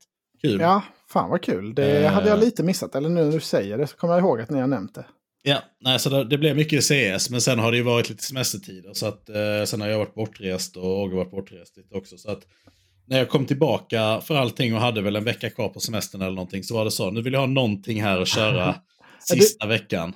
En sak bara innan vi släpper Mm. Counter-Strike. Vad, är, finns det något datum på tvåan? Eller har du hört något om det? Nej, eh, inte mycket. Jag vet att det kom en beta. Eh, och det var väl inte, vi fick ingen beta i alla fall. Så att, eh, jag vet Nej. inte riktigt hur det ser ut där. Men jag, när jag hörde om det i våras så fick jag för mig att det skulle komma på sommar, alltså nu på sommaren. Men Ja, det, jag tycker det är det jag har hört också. Men det, de verkar inte ha annonsat någonting. Men nej. där kommer det väl inte ta bort. Alltså Global Offensive, eller, vad heter det som man kör nu? Men eh, Alltså det, frå- frågan är vilket som blir mest populärt. de, de har sagt, eh, alltså de har, jag tror de har tänkt att släppa det nu på sommaren men de har inte sagt någonting annat. Det står eh, här att eh, eh, it could be released worldwide anywhere between August 6th and September 23rd. Så att eh, det är väl på gång nu snart. Men vi, shadow drop. Ja, kan ju bli så. Men jag tror, alltså de har inte hypat det som att det ska vara liksom jättemycket nytt revolutionerande. Utan det ska nog bara vara ett, liksom, lite större uppdateringsliknande. Att det kommer att vara kvar samma maps, ungefär samma system och så. Men lite snyggare grafik. Jag vet att eh, granaterna, bland annat smoken och sånt, är lite ändrat. Ja. Eh, så vi får väl se lite. Det kommer väl testas när det, när det kommer. Men eh, ja, det vi, vi har mest varit inne och, och kört för att det har varit kul. Det är ett väldigt roligt spel att spela i competitive. Eh, Ja, men tillbaka till din sista semestervecka. Ja, eh, då blev det ju så att eh, jag spelade Hearthstone. Ja, det var Eh, sjukt oväntat när man såg det inne på Hearthstone. ja, nej, men jag tänkte, jag tänkte väl lite så att jag eh, har ju inte spelat, alltså jag spelade ju redan på betan, spelade jag Hearthstone, typ Mm. 2011 eller vad det var. Och sen körde vi ju jättemycket Hearthstone där ett tag, eh, allihopa. Och sen så hade du ju en liten, försökte ju sälja in det där med din PowerPoint-presentation 2014 eller när det var. Ja, Jag har ju Eh. hållit i spelet hela tiden så jag försöker ju locka tillbaka er med jäm- jämna mellanrum. Ja. Det har väl gått sådär. Ja, nej, men när jag, jag pluggade utomlands då hade jag ju ingen bra dator och sånt. Så då blev det ju att jag körde lite Hearthstone, lite, gick in och tog ett game lite då och då. Så då Mm. gjorde jag ju bara, gick in bara förklara lite quests och få lite cards och sånt. Men man känner ju det lite med Hearthstone, att det har kommit så mycket nya cards och det är så mycket nytt och det är så många nya saker som man inte känner till och sånt. Det blir ju lite det här att Eh, att man har missat en så, så stor del så att det är jobbigt. Alltså det känns som så här, det är jobbigt att komma tillbaka. För då när det fanns Ja, var det så här, är jag hade ju alla korten, alla legendaries som hade kommit ut. Nu kommer det nya kort och är det så här, ja, men jag kan fixa dem, jag kan köpa paxen, jag har guld, jag kan köra min arena, jag har liksom, jag vet att jag hela tiden ligger i fas. Men sen så fort man släpper det och det kommer nya kort och nya kort och nya kort, då känner man ju så här, nu har jag ju inte varit med, så nu har jag ju inte de här korten och kan man, kan man köra då och de har lagt till nya klasser och quest och sånt. Så att jag tappade lite på det sättet. Men nu hade jag ingenting annat som jag kände att jag ville köra och sätta mig in i jag ville bara ha någonting att typ så här slapp chillspela och sånt. Så jag, jag började ju den 28 Eh, och eh, det är väl kanske inte det bästa att börja den 28 eller 29 när säsongen är slut i slutet på månaden. Så jag tänkte att jag ska dra ner mig till Legendary här. Mm. Ja, det är ju en eh, säsong per månad. I, exakt, i så det är ju reset där. Och de har gjort om rankingsystemet som jag spelade senast också. Så jag gick in, tänkte så här, jag har en hel dag, det är dåligt väder ute, nu ska jag se hur långt jag kan komma här. Så jag hittade en däck, eh, craftade den, och sen körde jag 120 matcher på en dag. Eh. jag blev helt förbluffad. För jag såg ju din rank då, att, alltså, när, alltså när jag kom in och så bara, oh, jävlar, Örre in och spelar. Och ja. jävlar vad han är bra rank. Fan, han måste ha varit inne och, och alltså, han måste ha kört en del. Ja. Uh, så jag blev helt chockad. Det var väldigt kul att se. Ja, nej, men jag körde 120 matcher på en dag och eh, kom ner till Diamond då som är precis innan Legendary. Och jag var på väg mot Legendary men sen så skulle jag ju resa bort 29 på kvällen. Eh, så att det var liksom, jag hade en och en halv dag på mig. Ja. Och jag lyckades bara komma ner till Diamond 7. Ja, det är eh, och det ska ju sägas utan alltså den här bonusen då som ja. man har om man är en spelare som kör varje det, säsong. Det var lite kul också för jag, jag, hade ju, du har ju pratat om tidigare, för jag tror förra gången vi var med i podden så skulle du snacka om din väg mot Legendary då. Ja, alltså. eh, och jag vet att du har varit nere lågt rankad och sånt ett par gånger. Ja, men jag då... kommer nästan alltid typ till Diamond 3. Sådär. Ja. Där brukar det ta stopp för mig. Ja, nej, och, då, och då tänkte jag så. Fan, jag har spelat 120 matcher och jag är inte, alltså jag är inte nere där än.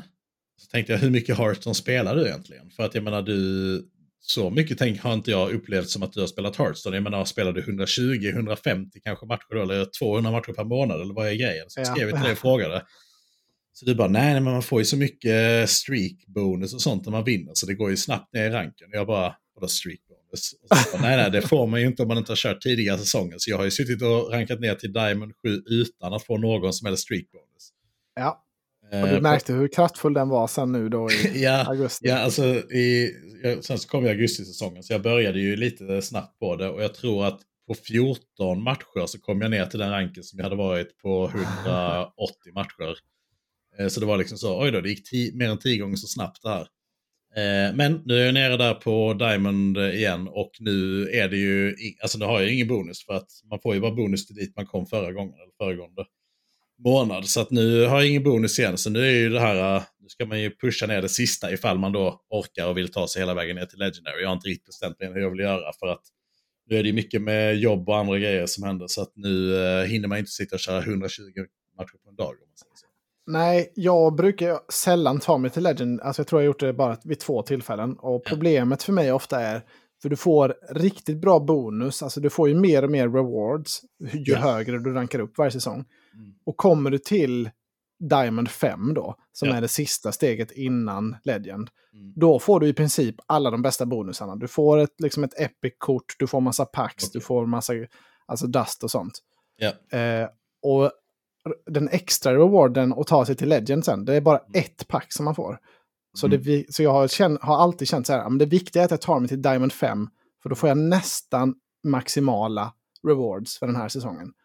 Eh, så jag brukar alltid liksom tappa farten sen, för sen, jag kör ju alltid mina dailies och sådär, men mm. orkar liksom inte sitta och pusha de här matcherna extra som brukar behövas. Nej, Nej men jag, alltså, jag, då när de släppte i början, så var jag ju på väg ner mot, jag var en säsong där jag kände så här, nu ska jag satsa på att ta mig hela vägen ner till Legendary. Ja. Eh, och jag tror jag var uppe i någon, mellan 800 och 900 matcher den månaden. ja, eh, och då fanns, ju, då fanns ju inget, då var det inte ens bonusstjärnor. Alltså då var det ju så, en vinst, fanns det inte ens bonusstjärnor då? Fan nej, nej, då var det en vinst, en förlust. En ja. vinst, en förlust. Så var det då. Så att då var det ju riktigt hardcore då. Så att eh, då var det så här, det är sjukt svårt att ta sig till Legendary. Sen slutade jag ju spela, sen typ två år senare så var det typ så, oj jag blev Legendary nu. Så jag bara, vänta nu här. Då hade de gjort om systemet. Så då stod ja. det ju det att det var så många fler som hade lyckats ta sig ner för att eh, de hade gjort om det. Men eh, det är kul, alltså det är ett väldigt bra spel att gå in och köra, köra lite uh, casual så. Det som är lite synd som jag tycker, det är ju att uh, vi har ju pratat om det här många gånger under åren, men i Hearthstone, så i och med att du ska spela så många matcher, så är det mm. ganska stor skillnad om en match tar fem minuter eller om en match tar 20 minuter. Och de bästa däcksen som har mycket legendaries och som är kontrollbaserade och sånt, de vinner man ju ganska ofta. Eh, alltså antingen så, om du spelar en rush-däck så är det så här, jag rushar allt vad jag kan i början, jag vinner matchen. Men om du, lycka, om du blir countrad så är det så här, jag förlorar den här matchen. Ja.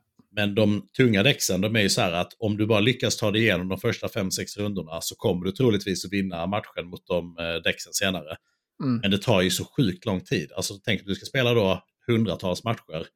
Det är liksom flera timmar extra som du måste lägga på att ranka på det sättet. Så du gynnas ja, ja, väldigt mycket av att köra de snabba däcksen.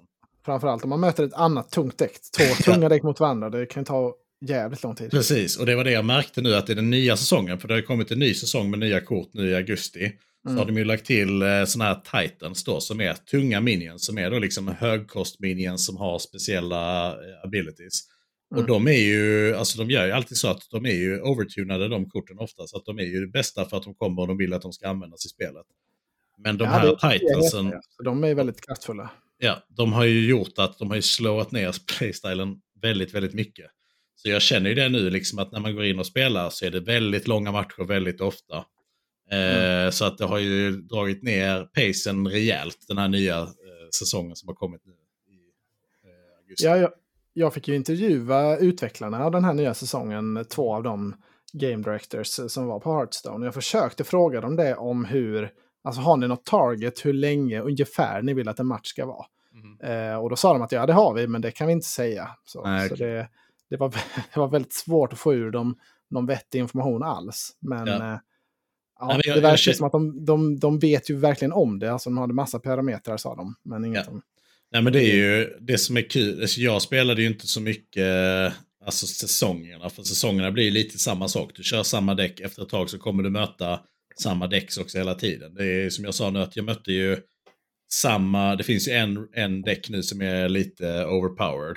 Mm. Jag mötte den åtta gånger i rad. Det var bara så här, ja, där var en till, där var en till, där var en till. Och du vet exakt vad de har för kort. Och, det, och då blir det ju egentligen bara att man sitter med sin draw och man sitter med deras draw. Jag vet att min däck är svag mot de här däcksen och den är stark mot de här däcksen. Så redan i början ja, när matchen startar så. så är det liksom så. Okej, okay, jag möter en Warlock. Det brukar jag vinna.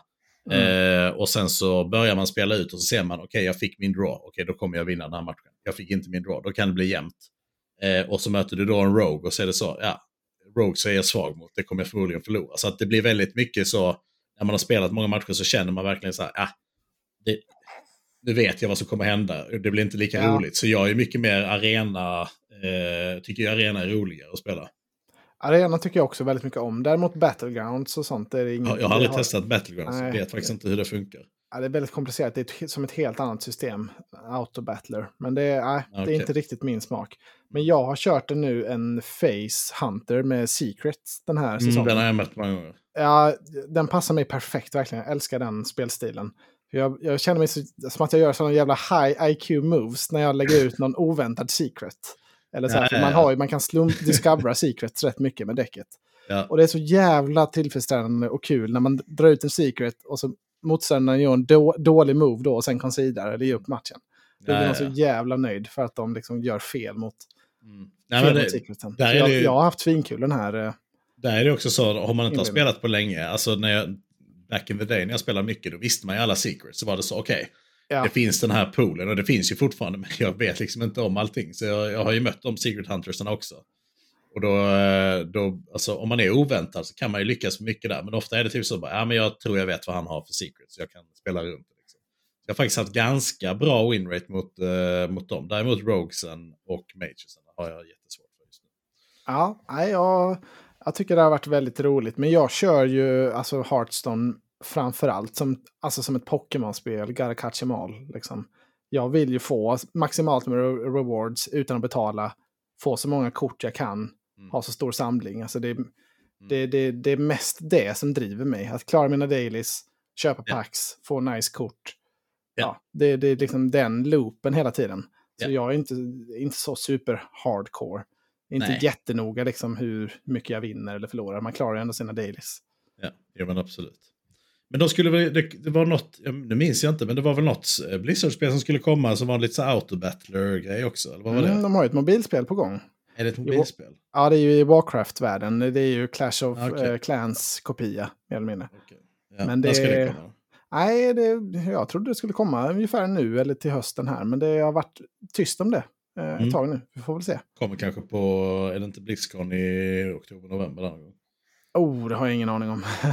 De kanske, gör- de kanske har en stor War, Warcraft-panel då, så folk. Och sen så är det mobilspelet som, som dyker upp. De Ja, gör det det kommer igen. Kommer väl lite Diablo Immortal igen också då. Ja, säkerligen. Eh, ja, men kul med Hearthstone. Eh, Baldur's Gate 3 då, om jag får ta tempen där. Dina streamers sa du, de är inne Ja, på det det, här. det är mycket hype. Alltså jag tycker Ja. att eh, jag, jag har inte... eh, Jag har inte varit en Baldur's Gate-spelare tidigare. Eller så. Jag Ja, men det borde vara lite i din ballpark ändå, eller är det något som intresserar dig alls? Det här? Ja, alltså jag har inte, som sagt, eftersom att jag inte har eh, spelat det tidigare och inte haft så mycket eh, känning om det så har jag ju inte eh, lagt så mycket tid på att lära mig eller läsa om det och sånt.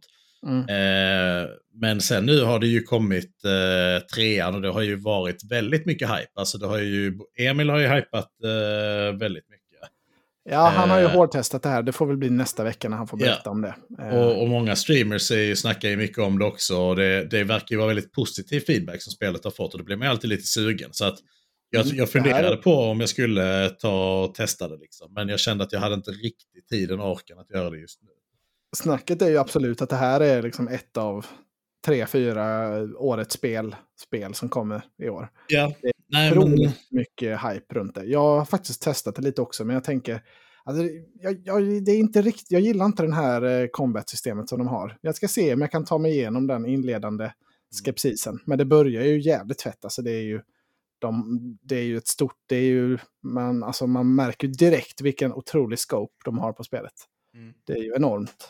Ja, nej men det, det kan väl bli lite... Om man har någon sån lucka mellan Path of Exile-säsonger och grejer så kanske man testar och kör det lite. Eh, Man kan köra multiplayer.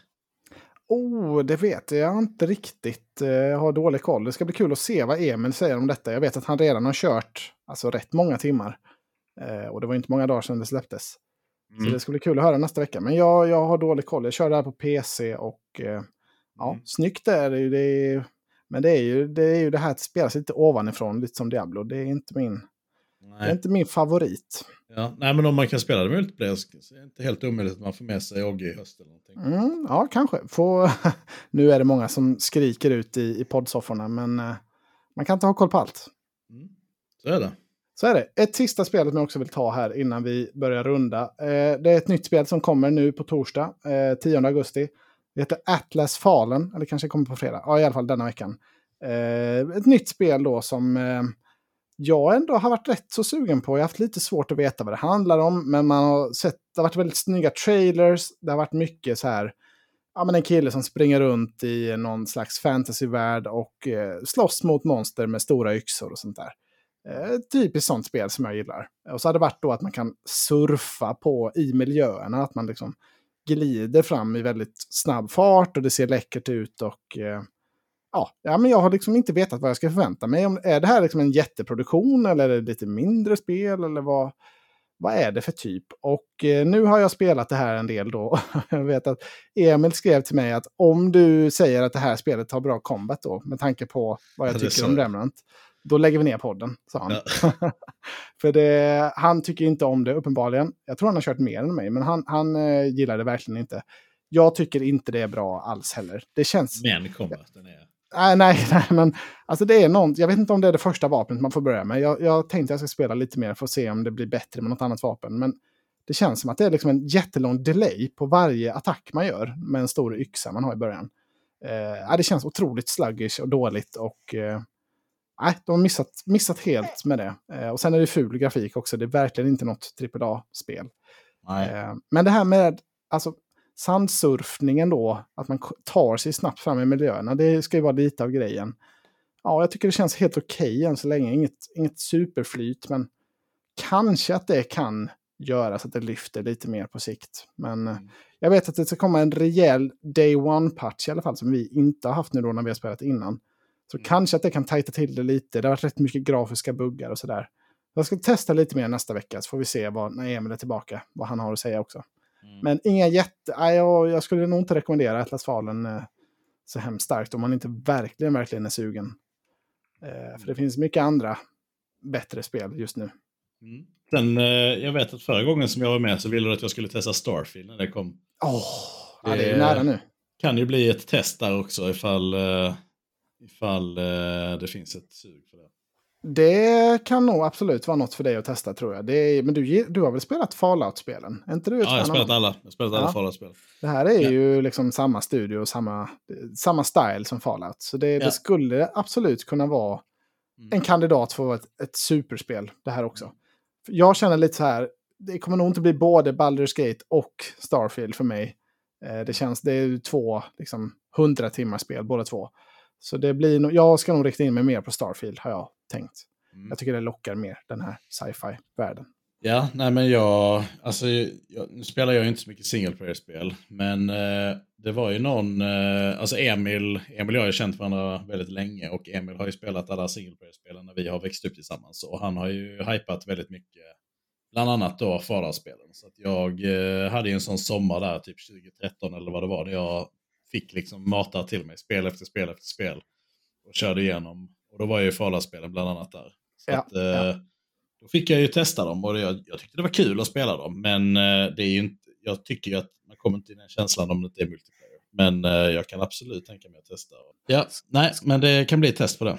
Ja, men eh, det var väl ungefär vad vi hade spelat. Ska vi röra oss in lite på vårt sista segment här nu? Och anledningen mm. till att du är med i podden. Liksom... Släppa den digitala världen.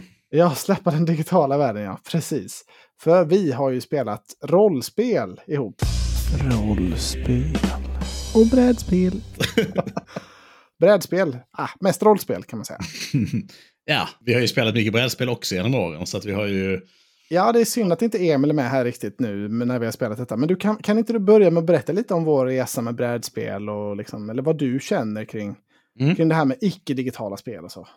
Jo, men det, alltså, vi började väl egentligen, eh, alltså det, det, är viktigt att, att, vi började inte under corona, för det var väldigt många som började under coronatiden. Vi började några år tidigare. Ja, faktiskt före. Uh, ja, vi var före coronatiden. Men vi, vi, uh, vi kände väl det lite att vi hade ju ingen riktig konsol att spela allihopa. Vi var ju ett gäng som brukade träffas en gång i veckan eller två gånger i veckan.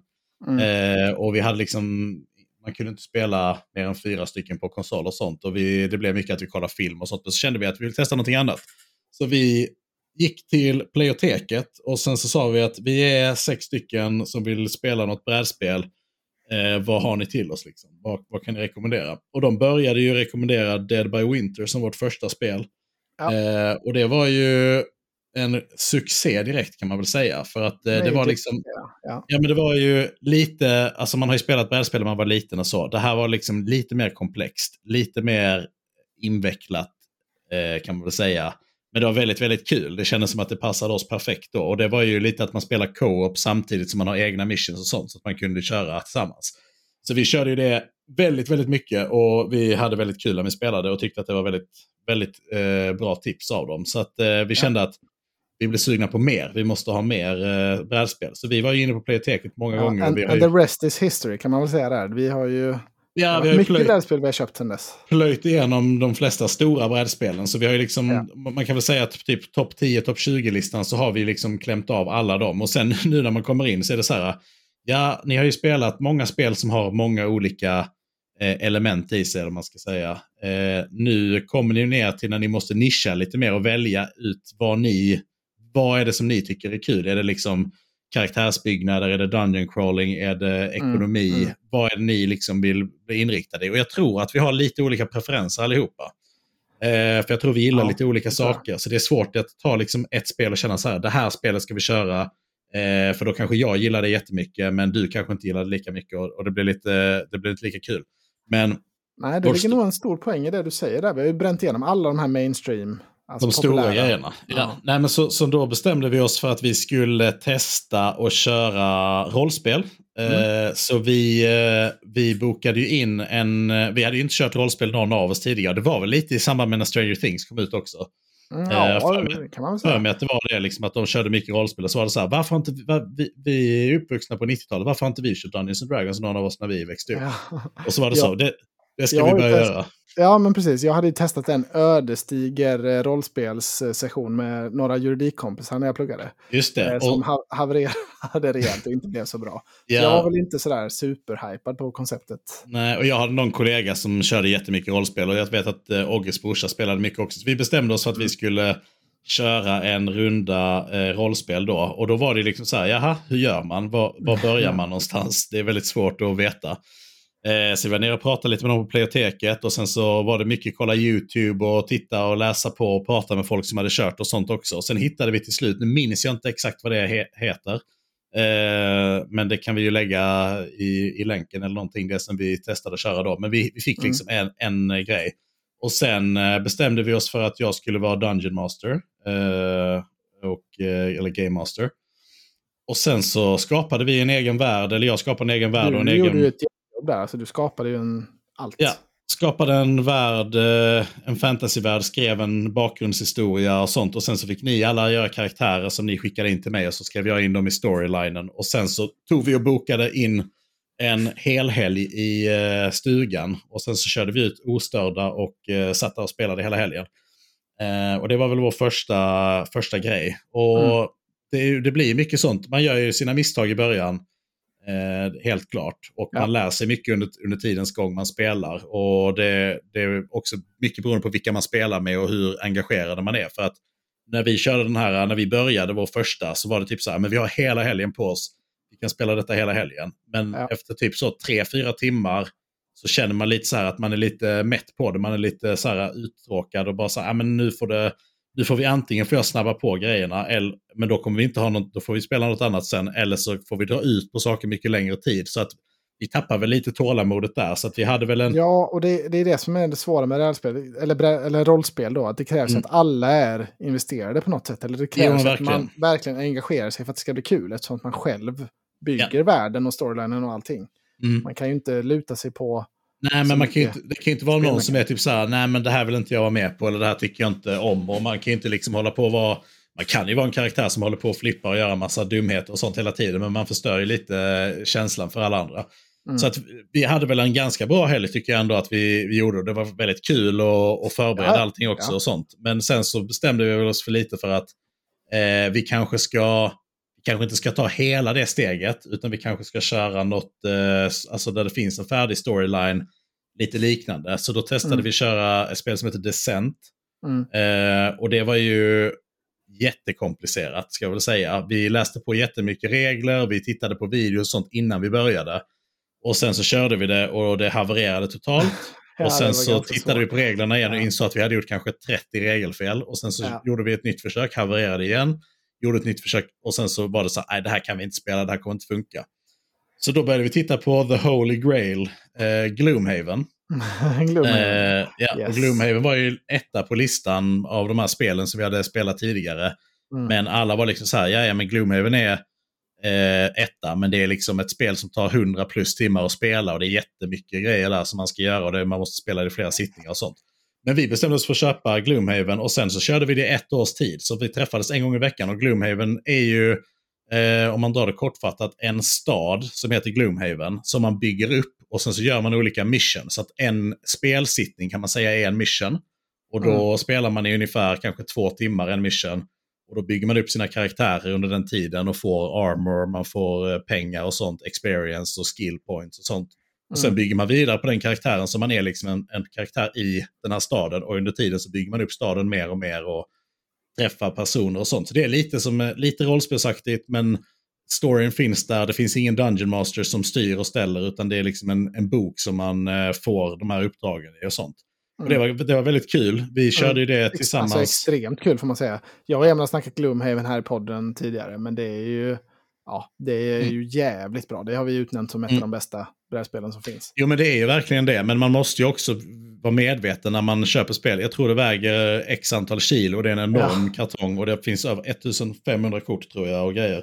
Så att man måste verkligen eh, committa och känna liksom att det här är någonting som vi kommer att spela mycket och vi ja. kommer liksom lägga ner. Men det är väl värt pengarna i så fall. Eh, och, och sen så samtidigt som vi gjorde detta så hade ju du ett annat gäng som också ville spela Gloomhaven. Så vi har haft två parallella spel igång samtidigt. Mm. Eh, så där jag, har jag varit med och också spelat eh, där. Så jag har varit med på båda två. Uh, och, och kört det. Mycket Gloomhaven har det varit. Det är mycket Gloomhaven. Men sen så bestämde vi oss igen för att uh, nu har vi kört så mycket så nu var vi lite sugna på att testa lite rollspel igen. Och uh, då har vi fått möjligheten nu att göra det.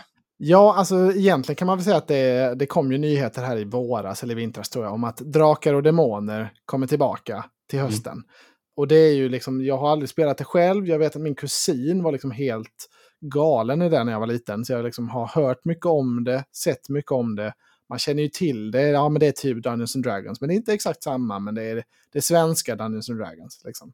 Så jag sa ju det, fan, ska vi inte liksom se, ska vi inte kolla in det här Drakar och Demoner och se om vi kan få testa det? Det verkar ju riktigt nice. Och då var ju du bland annat och liksom gänget, ja men jo, klart, det verkar ju nice. Mm. Och så då när vi kontaktade då Fria Ligan som ger ut det, så sa de, ja men det låter väl som en bra idé, men vill ni inte prova det här först? Svärdets sång som vi har, det är lite liknande, så kan ni börja med det. Så det är det vi har gjort nu då i sommar, kan man mm. säga. Innan då Drakar och Demoner. Det släpps väl nu i augusti, det är väl eh, mm. alldeles snart på gång. Det kommer nästa vecka. Ja, eh, men det har vi inte provat ändå, utan det vi har provat är ju det här Svärdets sång som kom 2018 tror jag. Mm. Och som är då ett klassiskt fantasy-rollspel. Ganska så Dungeons and Dragons inspirerat även det här. Mm. Och Sagan om ringen-inspirerat. ja, också, ja, ja, ja, men det är verkligen liksom klassisk Tolkien-fantasy kan man ju säga. Ja, men precis.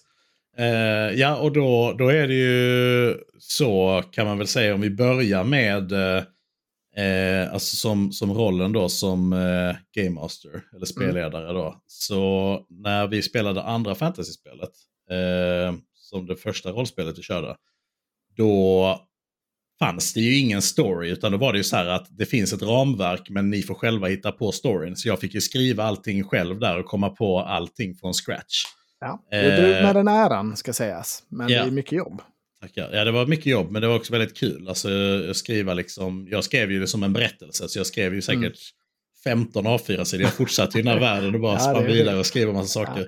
Men, eh, men då var det ju så mycket att vi, eh, i, i, när jag gjorde det då, när jag förberedde det, så tittade jag mycket på videos på olika andra Game Masters som hade eh, gjort det tidigare och tog inspiration mycket från dem. Och sen så var jag även inne på Playoteket och där fanns det ju sådana här böcker för Game Masters.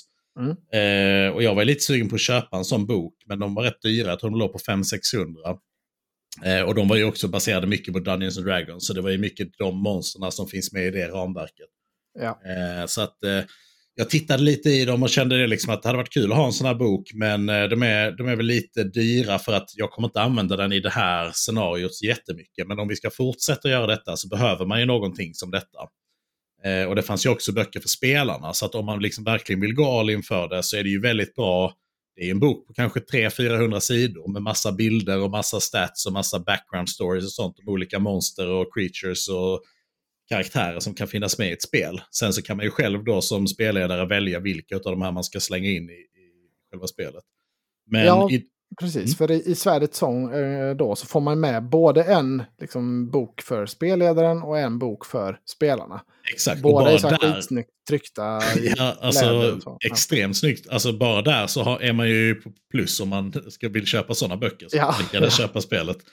Eh, för där får man ju Alltså det är fantastiskt bra gjort. Man får en, en liksom background story som man kan läsa upp. Liksom en, eh, typ så här, här är eh, liksom historien om det här riket. Man får mm. olika karaktärer som kan vara med.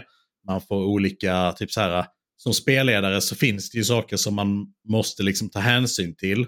Och de, de presenterar, jag tror det är sju stycken regler som är så här, följ de här reglerna som spelledare så kommer det, bra, så kommer det bli bra. Och jag känner ju igen dem mycket från de andra sakerna när jag gjorde min research och tittade runt och sånt. Men här, om man då är sugen på att börja spela ett rollspel så får man det väldigt, väldigt snyggt paketerat här. Ja, det är då kan det. du som spelledare läsa igenom det här och så får man all den informationen så man slipper sitta och googla och kolla YouTube-videos. Så får man det direkt där ja. Och du får också liksom en spelkarta och du får en liksom så här Ja, men det, det, det, känns väldigt premium det här. För jag vet att Mm. Fria Ligan, jag har ju varit inne och tittat, de har ju, de har ju till exempel gjort MUTANT, År 0 är ett av deras kända spel. Men där är det ju bara en bok, alltså som man får då. Mm. Så där har du en bok, då mest för spelledaren. Och där finns det olika tabeller och allt sånt. Men du har liksom, ja, det är ingen karta, inget att binda upp det på alls. Här känns det ju mycket mer Mm. men brädspelsliknande, att det är lättare att leva in sig i det.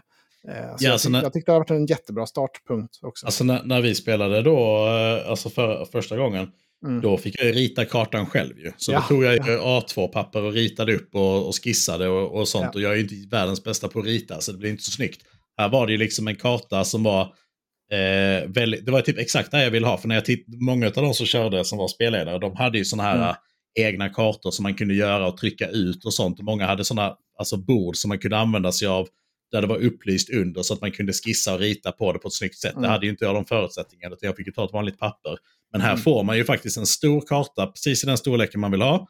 Eh, och den är rutad också så man lätt kan liksom överskådligt gå omkring. Och sen så är det utmarkerat i olika zoner och regioner. Och som spelledare då så kan man läsa i boken om historien om de olika ställena. Så att om man, det står liksom inte så här exakt vad man ska göra, utan det är ju det som är lite friheten som spelledare, att man får välja det. Men om du kommer till ett, en gammal borg eller ett fort som ligger någonstans, så kanske det står där då att här har det varit ett slag tidigare mellan de här och de här. Och då kan jag ju liksom improvisera och säga typ att ja, ni kommer in här och det är ruiner som eh, finns Mm, och mm. slaget kanske var nyligen eller kanske för länge sedan och det kanske handlar om någon relik som ni ska hitta här eller någonting. Så jag kan ju spinna vidare på den biten. Och då får jag ju väldigt mycket hjälp så att jag, jag får ju liksom en story så jag behöver inte hitta på allting utan man kan bara ta det arket och, och spinna vidare på. Och det är väldigt skönt, framförallt om, om man är ny. Nu, är inte jag jätteerfaren men eh, Nej, man kan verkligen plocka guldkornen Man kan där man vill ha. Precis, och det gör det också mer engagerande för spelarna. Att man känner liksom att Ja. oh, det finns massa background story här och här kan vi utforska. Och sen när man kommer till en ny plats så kan ju den kopplas ihop med det andra för att man kan se då visuellt på kartan var man är någonstans. Ja, och jag tycker de presenterar det rätt smart spelet här också. att Tänk inte liksom igenom allt för mycket och gör ingen jättelång detaljerad plotline här. Utan tanken är att du ska bara vara i den här världen. Äventyrarna ska, liksom, de ska komma på olika äventyr, olika skattjakter. Det ska Mm. inte vara liksom ett jättelångt och avancerat scenario med twister och sånt. Utan Mm. det är mer som, ja, men, som en, en, en legend att man ska bara glida runt och så får man se vad, vad som händer. Och Ja, det men tycker precis. jag lämpar sig väldigt väl då, för det finns... Jag vet att man kan köpa till en, en main-kampanj till exempel. Mm. Men då, alltså, då måste man verkligen dedikera jättemycket tid och, och sätta... Det, det kräver ju, som, som vi var inne på i rollspel, man måste engagera sig mycket. Det kan man kanske orka göra i ett kortare scenario som man sen kan återuppta. Men Mm. att, att, att ta sig igenom en hel lång kampanj, alltså det, det, ja, det, det, då krävs det mycket tid och engagemang. Ja, och, och, och liksom nu, ett klassiskt sånt misstag som jag kanske gjorde då första gången, det var ju att man lägger ner alldeles för mycket tid. För jag var ju liksom, spann ju vidare på massa grejer och skrev liksom storylines och jag, och, och liksom, jag gjorde starten så liksom att ni, ni Mm. var alla liksom typ spelmän som var inhyrda för att ni skulle spela på en, eh, en typ eh, taverna. Så det var så ni träffades på den här tavernan. Och då Ja. beskrev jag ju den här tavernan och vilka personer som satt där inne. Och jag hade ju mer eller mindre gjort färdigt, alltså jag hade gjort en linje, så här kommer, det, så här kommer storyn vara, liksom, ni är på den här punkten och ni ska ta er hit, men ni kan göra det på olika sätt. Men de här alla personerna i den här tavernan, de här sex karaktärerna eller vad det var, alla de har liksom någonting som de kan ge er på något sätt. Det var lite så jag hade planerat upp det för att jag skulle veta så att det skulle bli bra från starten. Mm. Men ni började ju med att bara lämna och gå därifrån. Och då var det så här bara, men allting som jag har gjort och sen kunde jag ju bygga vidare på det på andra sätt sen. Men, Ja. men det står ju faktiskt i, i den här boken för, för Game Mastern att förbereda inte för mycket. För att Mm. det kommer liksom, du måste liksom bara hänga med på vad som händer och du måste vara engagerad i de här karaktärerna som, som du följer. Så att de skrev Mm. att 20-30 minuter, det är mer än så ska man inte behöva lägga. Sen när man har då kört en runda då, eller en sittning, då kan man liksom börja fundera över vad var det de gjorde, hur kan jag bygga vidare på det senare. Så att man gör lite mer Ja. så. Men, eh, men jättebra instruktioner, verkligen. Jag önskar att jag hade haft en sån här bok när jag gjorde det första gången. Ja, ja, men jag tycker det känns, det har varit kul, det känns som en bra startpunkt. Ska jag klaga på någonting så tycker jag det är, för ja, det är som ett brädspel liknande då. Man får inte bara en bok utan man får lite karta, lite klistermärken, lite extra grejer. Men Mm. man får ju inte med då tärningar i det här. Eh, och de skriver så här, men du kan använda helt vanliga tärningar, man behöver inga speciella. Mm. Eh, men det är ju en jävla massa tärningsslag och, och tärningar som behövs. Alltså, jag liksom tog med mig några sådana här vanliga sexsidiga Yatzy-tärningar. Mm. Liksom. Eh, sen hade jag en T10 som jag eh, hittade hemma. Mm. Men eh, jag skulle ändå säga att det behövs. Alltså, antingen får man ha det otroligt många, många vanliga sexsidiga tärningar. Men då ska de gärna vara olika färger, olika, ja, så att man kan särskilja dem. Ehm, och det kan man väl säga att i combat, det, är ju rätt, det tar rätt lång tid. Jag har försökt liksom läsa på ganska mycket med combaten, för den är förvirrande och ja, det är, liksom, det är ganska svårt och mycket liksom så regler som är svår, lite svåra att tolka och jävligt mycket tärningslag. Så det, Ja. det, den biten tar ju en, en, en stund att sätta sig in i, men ja, framförallt att man inte får några tärningar alls, det tycker jag, det gör att det, ja, men okej, det, är det här är inte ett brädspel utan det, de flesta rollspelare har väl jättemycket tärningar redan, men vi har ju inte det. Så det Nej, alltså vi- för oss. Vi köpte ju lite tärningar eh, då när vi skulle spela där uppe. Men då köpte Mm. vi vanliga sexsidiga tärningar. Och eftersom att det var vi som bestämde lite då så, så funkade ju det. Men här Mm. känner man ju att det finns ett behov av andra tärningar. Så vi använder oss av de tärningar som vi hade förra gången. För vi har ju sådana kit då. Ja. Eh, men sen är det ju också den, den biten att när det kommer till rollspel så handlar det också precis som med vanliga brädspel eller vanliga andra spel. Vad är det man gillar för någonting? Och det var ju det jag försökte liksom diskutera inför förra rundan vi spelade. För att eh, combat blir ju ofta väldigt invecklat och komplicerat eftersom att du måste då göra olika skillchecks och du måste eh, slå tärningar och, och liksom fienden ska slå tärningar och, och hela den biten. Så det blir ju väldigt, om man ska kriga mycket så blir det ju väldigt mycket tärningar och den biten. Ja, och det, det känner ju jag personligen att det görs ju bättre till exempel i Gloomhaven. Ja. Där man har ett ramverk för det, liksom tydliga. Mm. Alla ser statsen och sånt som finns. Det blir mycket lättare. Ja, och man drar kort och man kan liksom Ja, uppgradera ja. sina kort och sånt. Men det blir mycket tärningsspel om man ska ha mycket combat. Och, och där är det ju lite sån skillnad, för jag vet ju att till exempel jag då och Ogge, vi gillar mer liksom RP-liknande grejer, alltså roleplaying, att man är sin karaktär och går runt och gör andra saker. Eh, medan då, det ska inte vara så mycket fokus på combat, men då Copy som vi spelade med, han ville ju kriga hela tiden. Så det var så här, nej men jag vill attackera den här personen, jag vill, jag Ja. vill liksom göra de här grejerna. Och då är man inte i synk då med gruppen så blir det ju lite konstigt då. Då blir det så här, ha, hur ska vi lösa detta nu för att det ska bli så bra som möjligt? Så att jag tror man måste också lära känna gruppen lite och känna vad är det man vill göra för någonting och hur invecklat ska man göra combaten. Och det blir ju ett roll för den som är spelledare att ibland om man liksom engagerar i combat så kan man bara liksom säga att eh, nej, han flydde iväg. Alltså det blir att man får liksom rundgå det på sådana sätt för att det inte bara ska bli att man sitter med tärningar och ska räkna och sånt. Och om man Ja. inte har rätt Ja. tärningar och sånt heller. Så det var väl lite så vi fick göra nu när vi körde också. Ja, ja, men det var väldigt tur att du kunde vara med här i alla fall eh, nu. Det var synd att vi inte fick med, med Emil. Men det har varit Mm. väldigt kul att prova det här.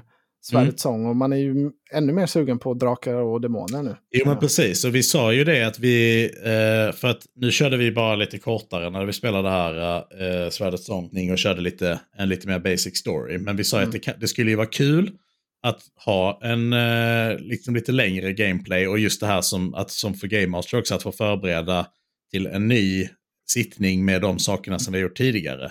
Det blir ju väldigt kul att ha det som en eh, extra grej, eller vad man ska säga. Eh, Ja. En extra krydda på spelet. Så att vi, vi diskuterade nu lite hur vi ska lägga upp det här med eh, Drakar och Demoner, hur vi ska göra det. Och För man orkar ju inte sitta och spela båda parallellt. Nej, men det gör, det, det gör man inte. Utan man vill ju ha en då och sen så Ja. istället för att då köra en helg där man då kör all in. Det kan man göra kanske när man är lite mer rutinerad. Men att Mm. vi delar upp det så att man kör en, två timmar kanske en gång i veckan och sen så att man gör det under en längre tid. Så vi diskuterade hur vi ska lägga upp det här nu i höst. Eh, vi, vilka som kommer falla. Och... ja, vilka som vill vara med och, och man måste ju verkligen committa för det, det, man kan ju inte säga så "Nej, jag tyckte inte det var så kul, jag är inte så sugen på att göra det. För då blir det ju liksom att, ja men då när vi träffas och så är det två som inte vill spela, då blir det ju inte att man kommer göra det och då rinner det ut i sanden. Så vi vill ju ha, vi Ja. sa det att vi får, vi får sätta en gräns, liksom att vi kör fem omgångar. Och sen så får man börja med det och så får man göra någonting av det. Så vi, det är väl lite det diskussionen har varit där. Så det, det får väl bli en följetong. Ja, ja, men det ska bli mycket spännande att se. Eh, ja, Två. det ska bli... Det som var bra också, en, en till sak, det är Ja, ju det här ja. med eh, alltså, när man kopplar in det digitala. För att det fanns ju inte det digitala tidigare, men eh, alltså då när man på 80-talet och 90-talet. Men nu har de ju faktiskt gjort det så att till exempel man kan då generata sin karaktär och sånt. Och då finns ju också en sida man kan gå in på för att få hjälp eller om man då vill eh, hitta campaigns och sånt. Så att man har kopplat Mm, in mm. Så man kan ha det också samtidigt. Det var också en stor fördel. Ja, det är väldigt bra. Det, det, det, det mesta finns bara på engelska då tyvärr. Mm. Forbidden Lands heter spelet där. Men där finns en, ja, men lite starting set. Det finns så här character sheets och sånt man kan skriva ut. Och, ja, och det har man ju tillgång till eh, fritt. Så det är väldigt bra. Det, jag kan länka till det. Drive-through RPG Men det, det. också, alltså, på tal om det med engelska, alltså att böckerna är på svenska. Och Ja, är så det- fint. Alltså de Ja, är så fint. Mm, Ja, men de, är så, de är liksom så fint inbundna och det är så mycket information och det är verkligen någon som har lagt ner otroligt mycket energi och kraft och, och liksom sin själ på detta, att liksom skapa allt detta och skriva ner det. Och sen Ja. dessutom då översatte, eller då att någon har översatt det till svenska. För jag menar, som vi sa, ska du köpa en sån här bok så betalar du säkert 500 spänn. Och här får du två sådana böcker och de är översatta och de är inbundna eh, till det här spelet. Så det är ju Ja, fantastiskt. precis. Eller om det är svenskt från början, jag vet inte. Men eh, skulle kunna vara. Men ja, i alla fall, väldigt lyxigt med svenska. Det är inte så att, vi inte kan engelska, liksom, det kan väl alla. Men Mm. man märker när man spelar, om man ska läsa upp mycket text, det blir ju lite styltigt på engelska. Och man är lite bättre och lite sämre på det. Det, är, det blir mycket, mycket bättre flow och feeling om, man, om det är på svenska, tycker jag. Mm. Så det var tur att du tog upp det. Det är en jätte, ett jätteplus för detta. Mm. Ja, nej, så vi, eh, vi hade lite kul. Vill du berätta om din karaktär? Min karaktär? Ja. Ah, nej, men jag vet inte. Det, ja, den heter Burn Lil Darrow. Eh, och det är lite, lite av en eh, pyroman-aktig karaktär. Som jag använder då den slumpgeneratorn som finns med i paketet för att skapa. Då, liksom, då får du dina färdigheter, din klass och din bakgrund, hur du har träffat dina kompanjoner. Man kan slumpa fram hur mycket eller hur lite man vill. Jag, Mm. och jag, eller vi använder ju liksom slumpen för allt då för att bygga, alltså testa det och bygga upp detta. Eh, så det, ja, men det tyckte jag eh, var väldigt smidigt. Förra gången när vi spelade det här brädspelet då i, eh, som du hade fixat, då skulle man göra sin egen karaktär. Och då var Ja. väl jag en av dem som inte var speciellt bra på det. Du fick svara så, ja, du får göra om allt det här. Det, det, lite mer seriöst tack.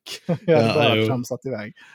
Ja, nej, det, blir så på några stycken. Det var, Ja. det, så var det ju. Men det var, var det, det var, jag minns att det var så kul också för att Emil hade någon sån broken ability som han hade gjort. Att han typ kunde prata med döda eller någonting. Ja. Så jag skrev in att han kunde prata med döda för att han hade sin hatt. Så att han kunde bara förstå dem när han hade hatten. Och det första som gjorde var att han blev bestulen på hatten. Så sen kunde han inte använda sig av den Just det. eh, det var ability smart. längre. Det var riktigt sur.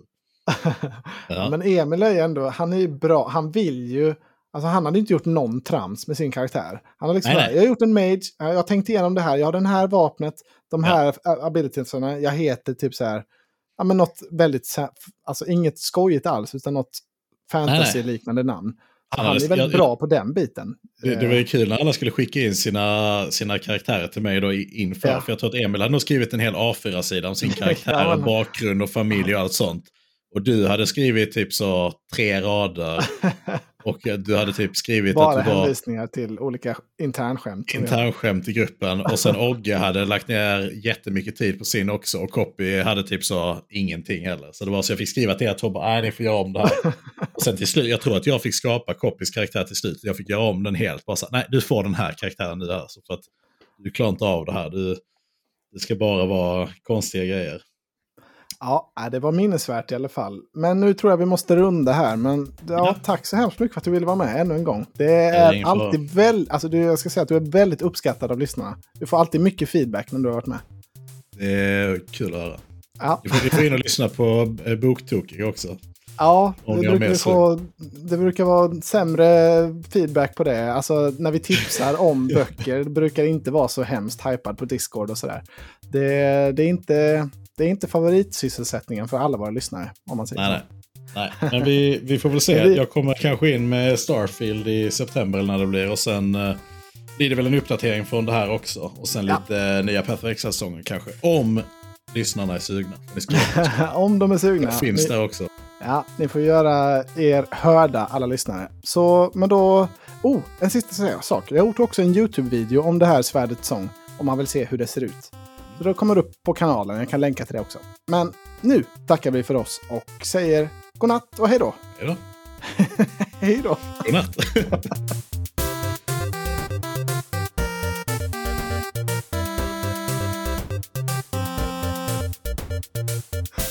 Ah.